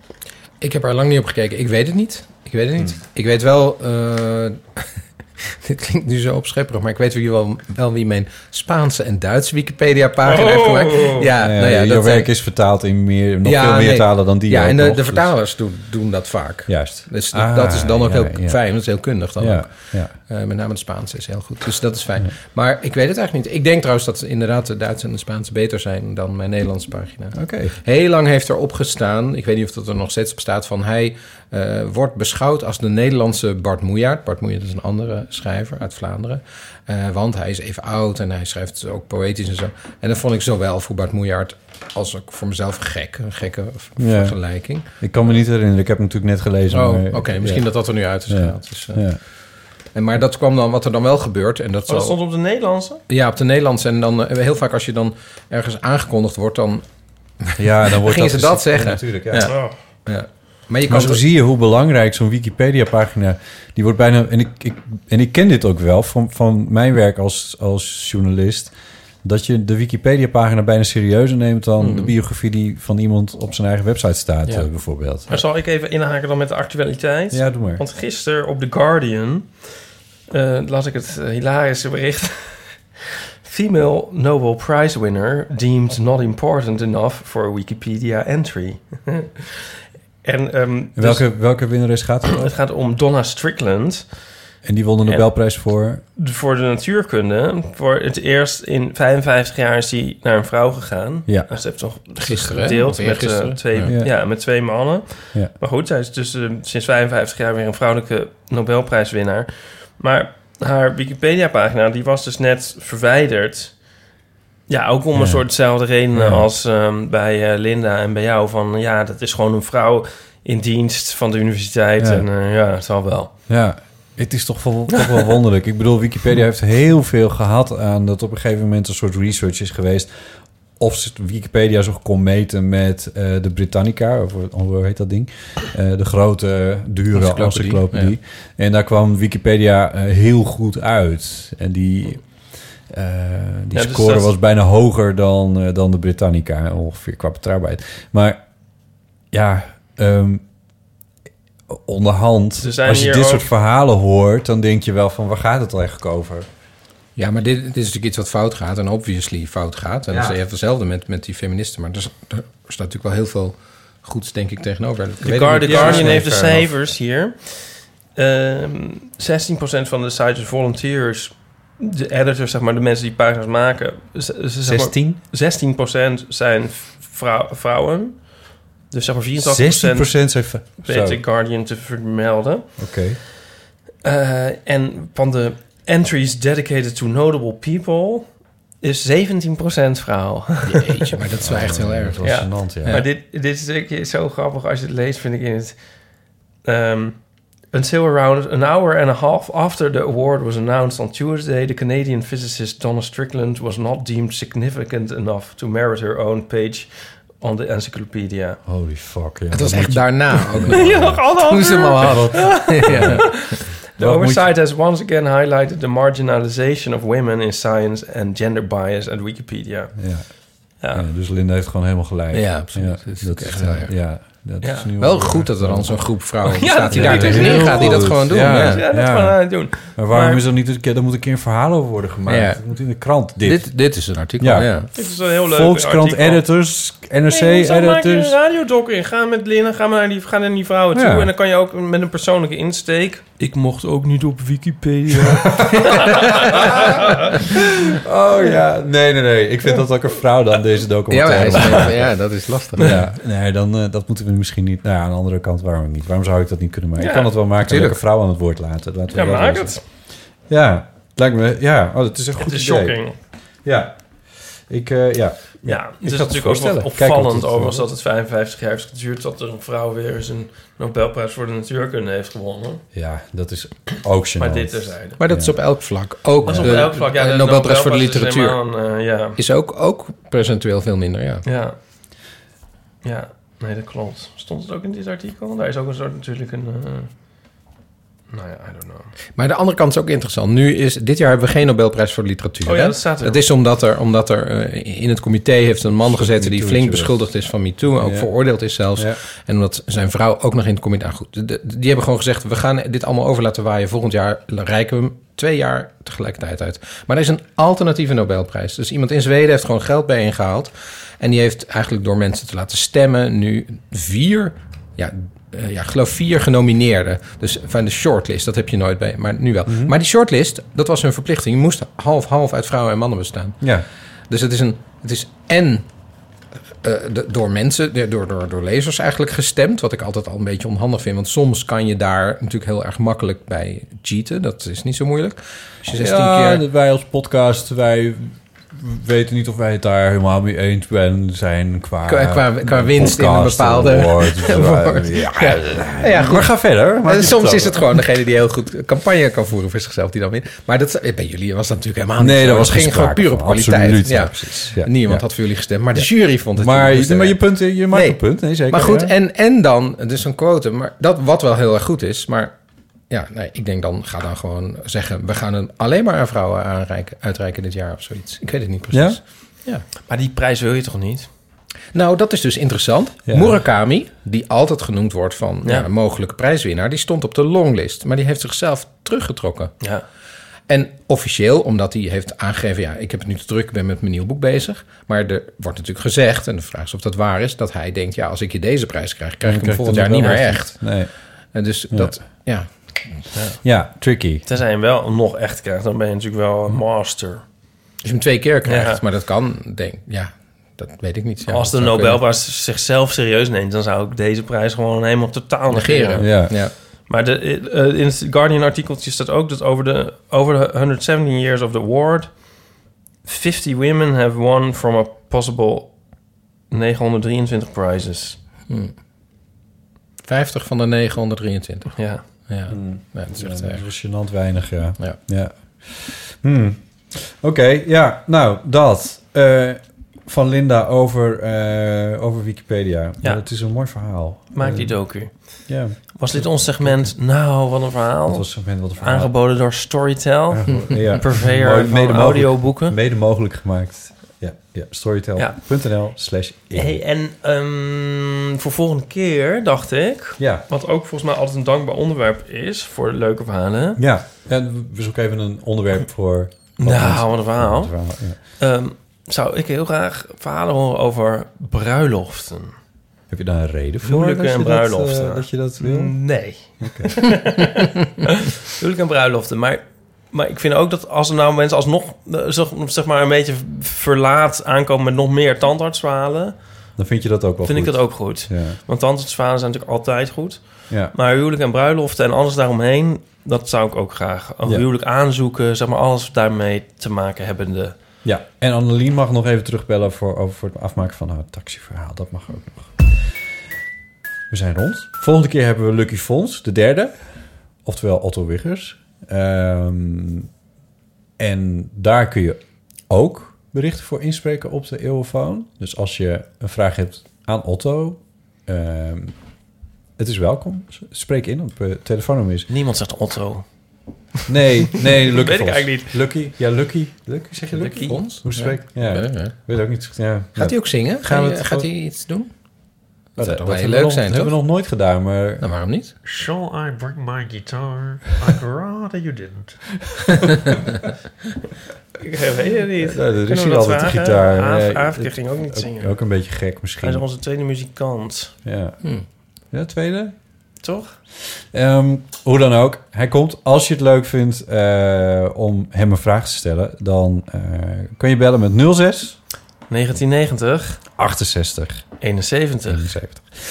Eh, oh goed, dat is het eh, telefoonnummer voor, oh, voor voor, nou, wat een verhaal en voor eh, de berichten. En als je, want je hebt het misschien wel gehoord, net waren er ook berichten die klonken wat helderder dan eh, telefoonberichten.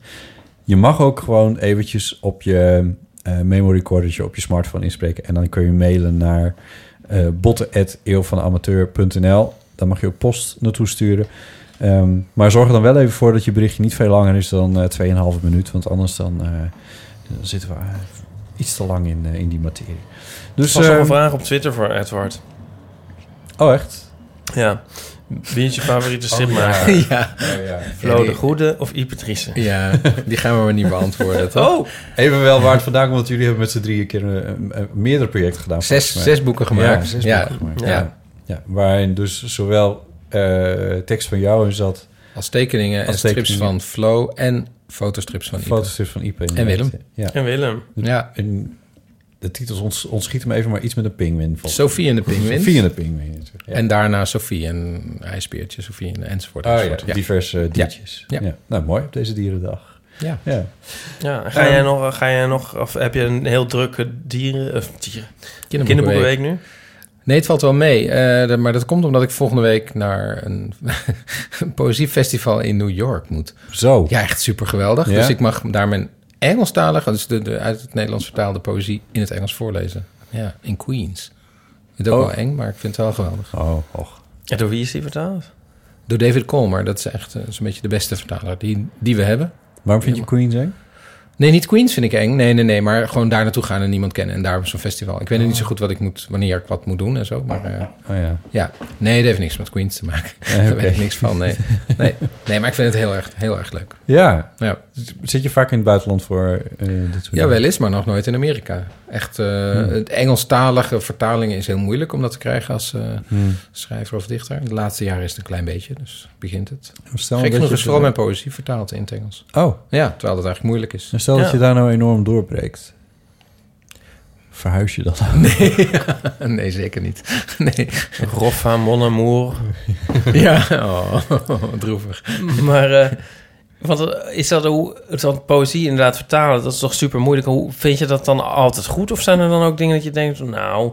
Nou, David legt het voor, dus die maakt dan een eindversie. Nu is hij Superguppy, is, heeft hij nu vertaald. Dat komt volgend jaar in Engeland uit. En dan ligt dat er en dan moet ik nog eh, naar kijken. En dan dacht ik, ja maar, ja, maar hier ruimt het helemaal niet. Dan zeg ik, ja, maar het is Engels, het is veel moeilijker dan Nederlands. Maar dan proberen we toch iets te vinden. Ja. Het is echt sparren.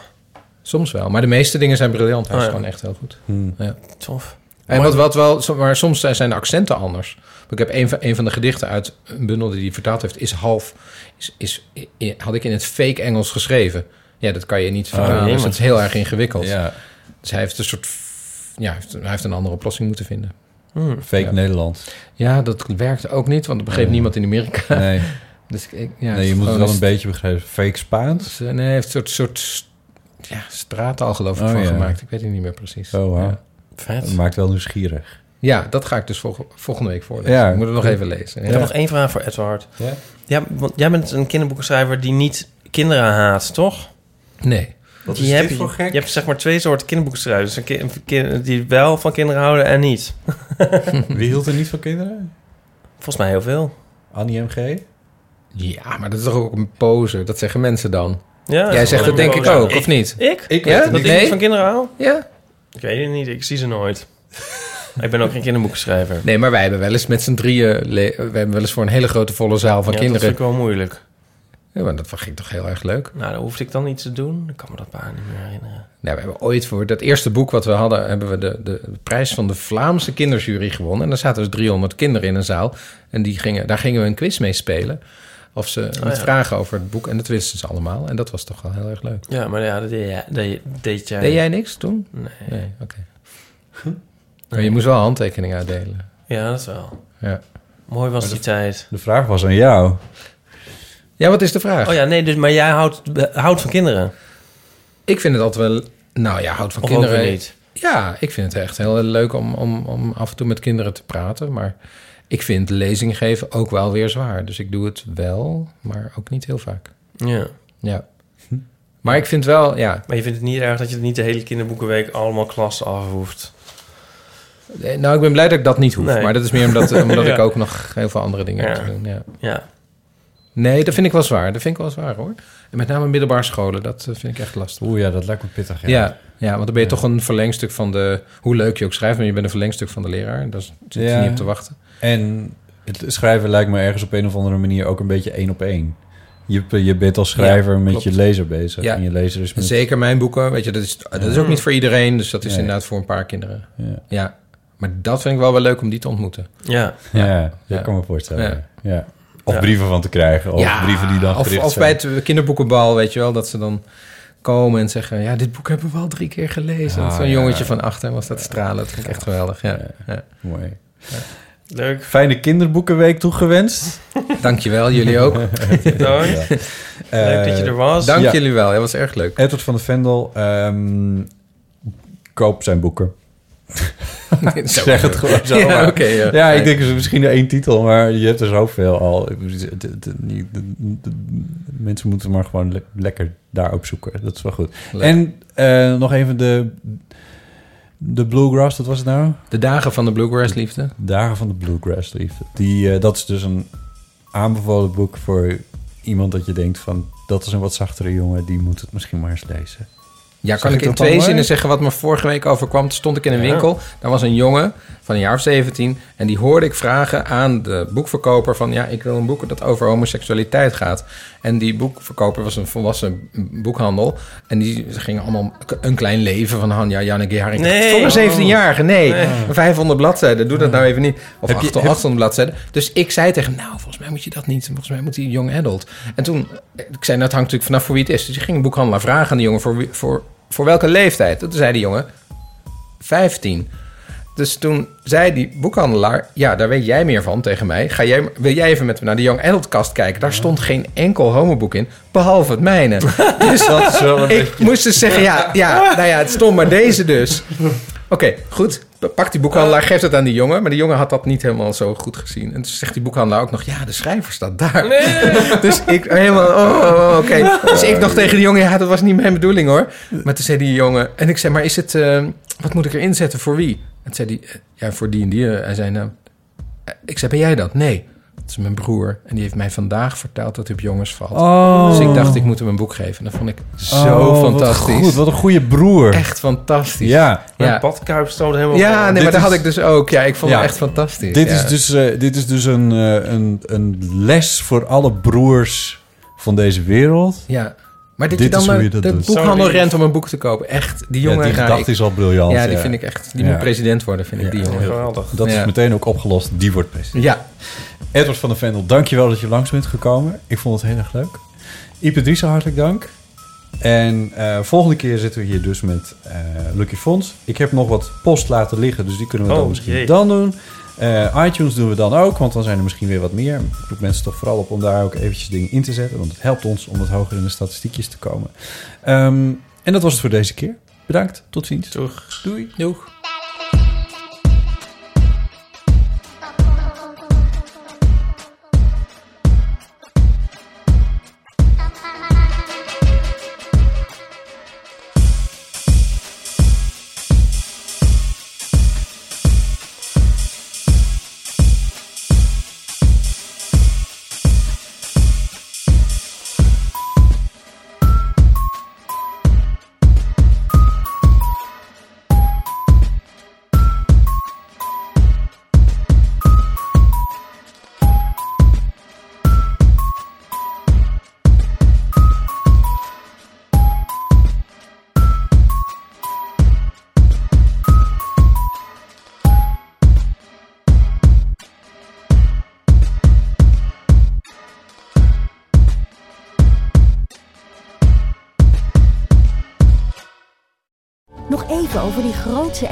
Muziektheatervoorstelling.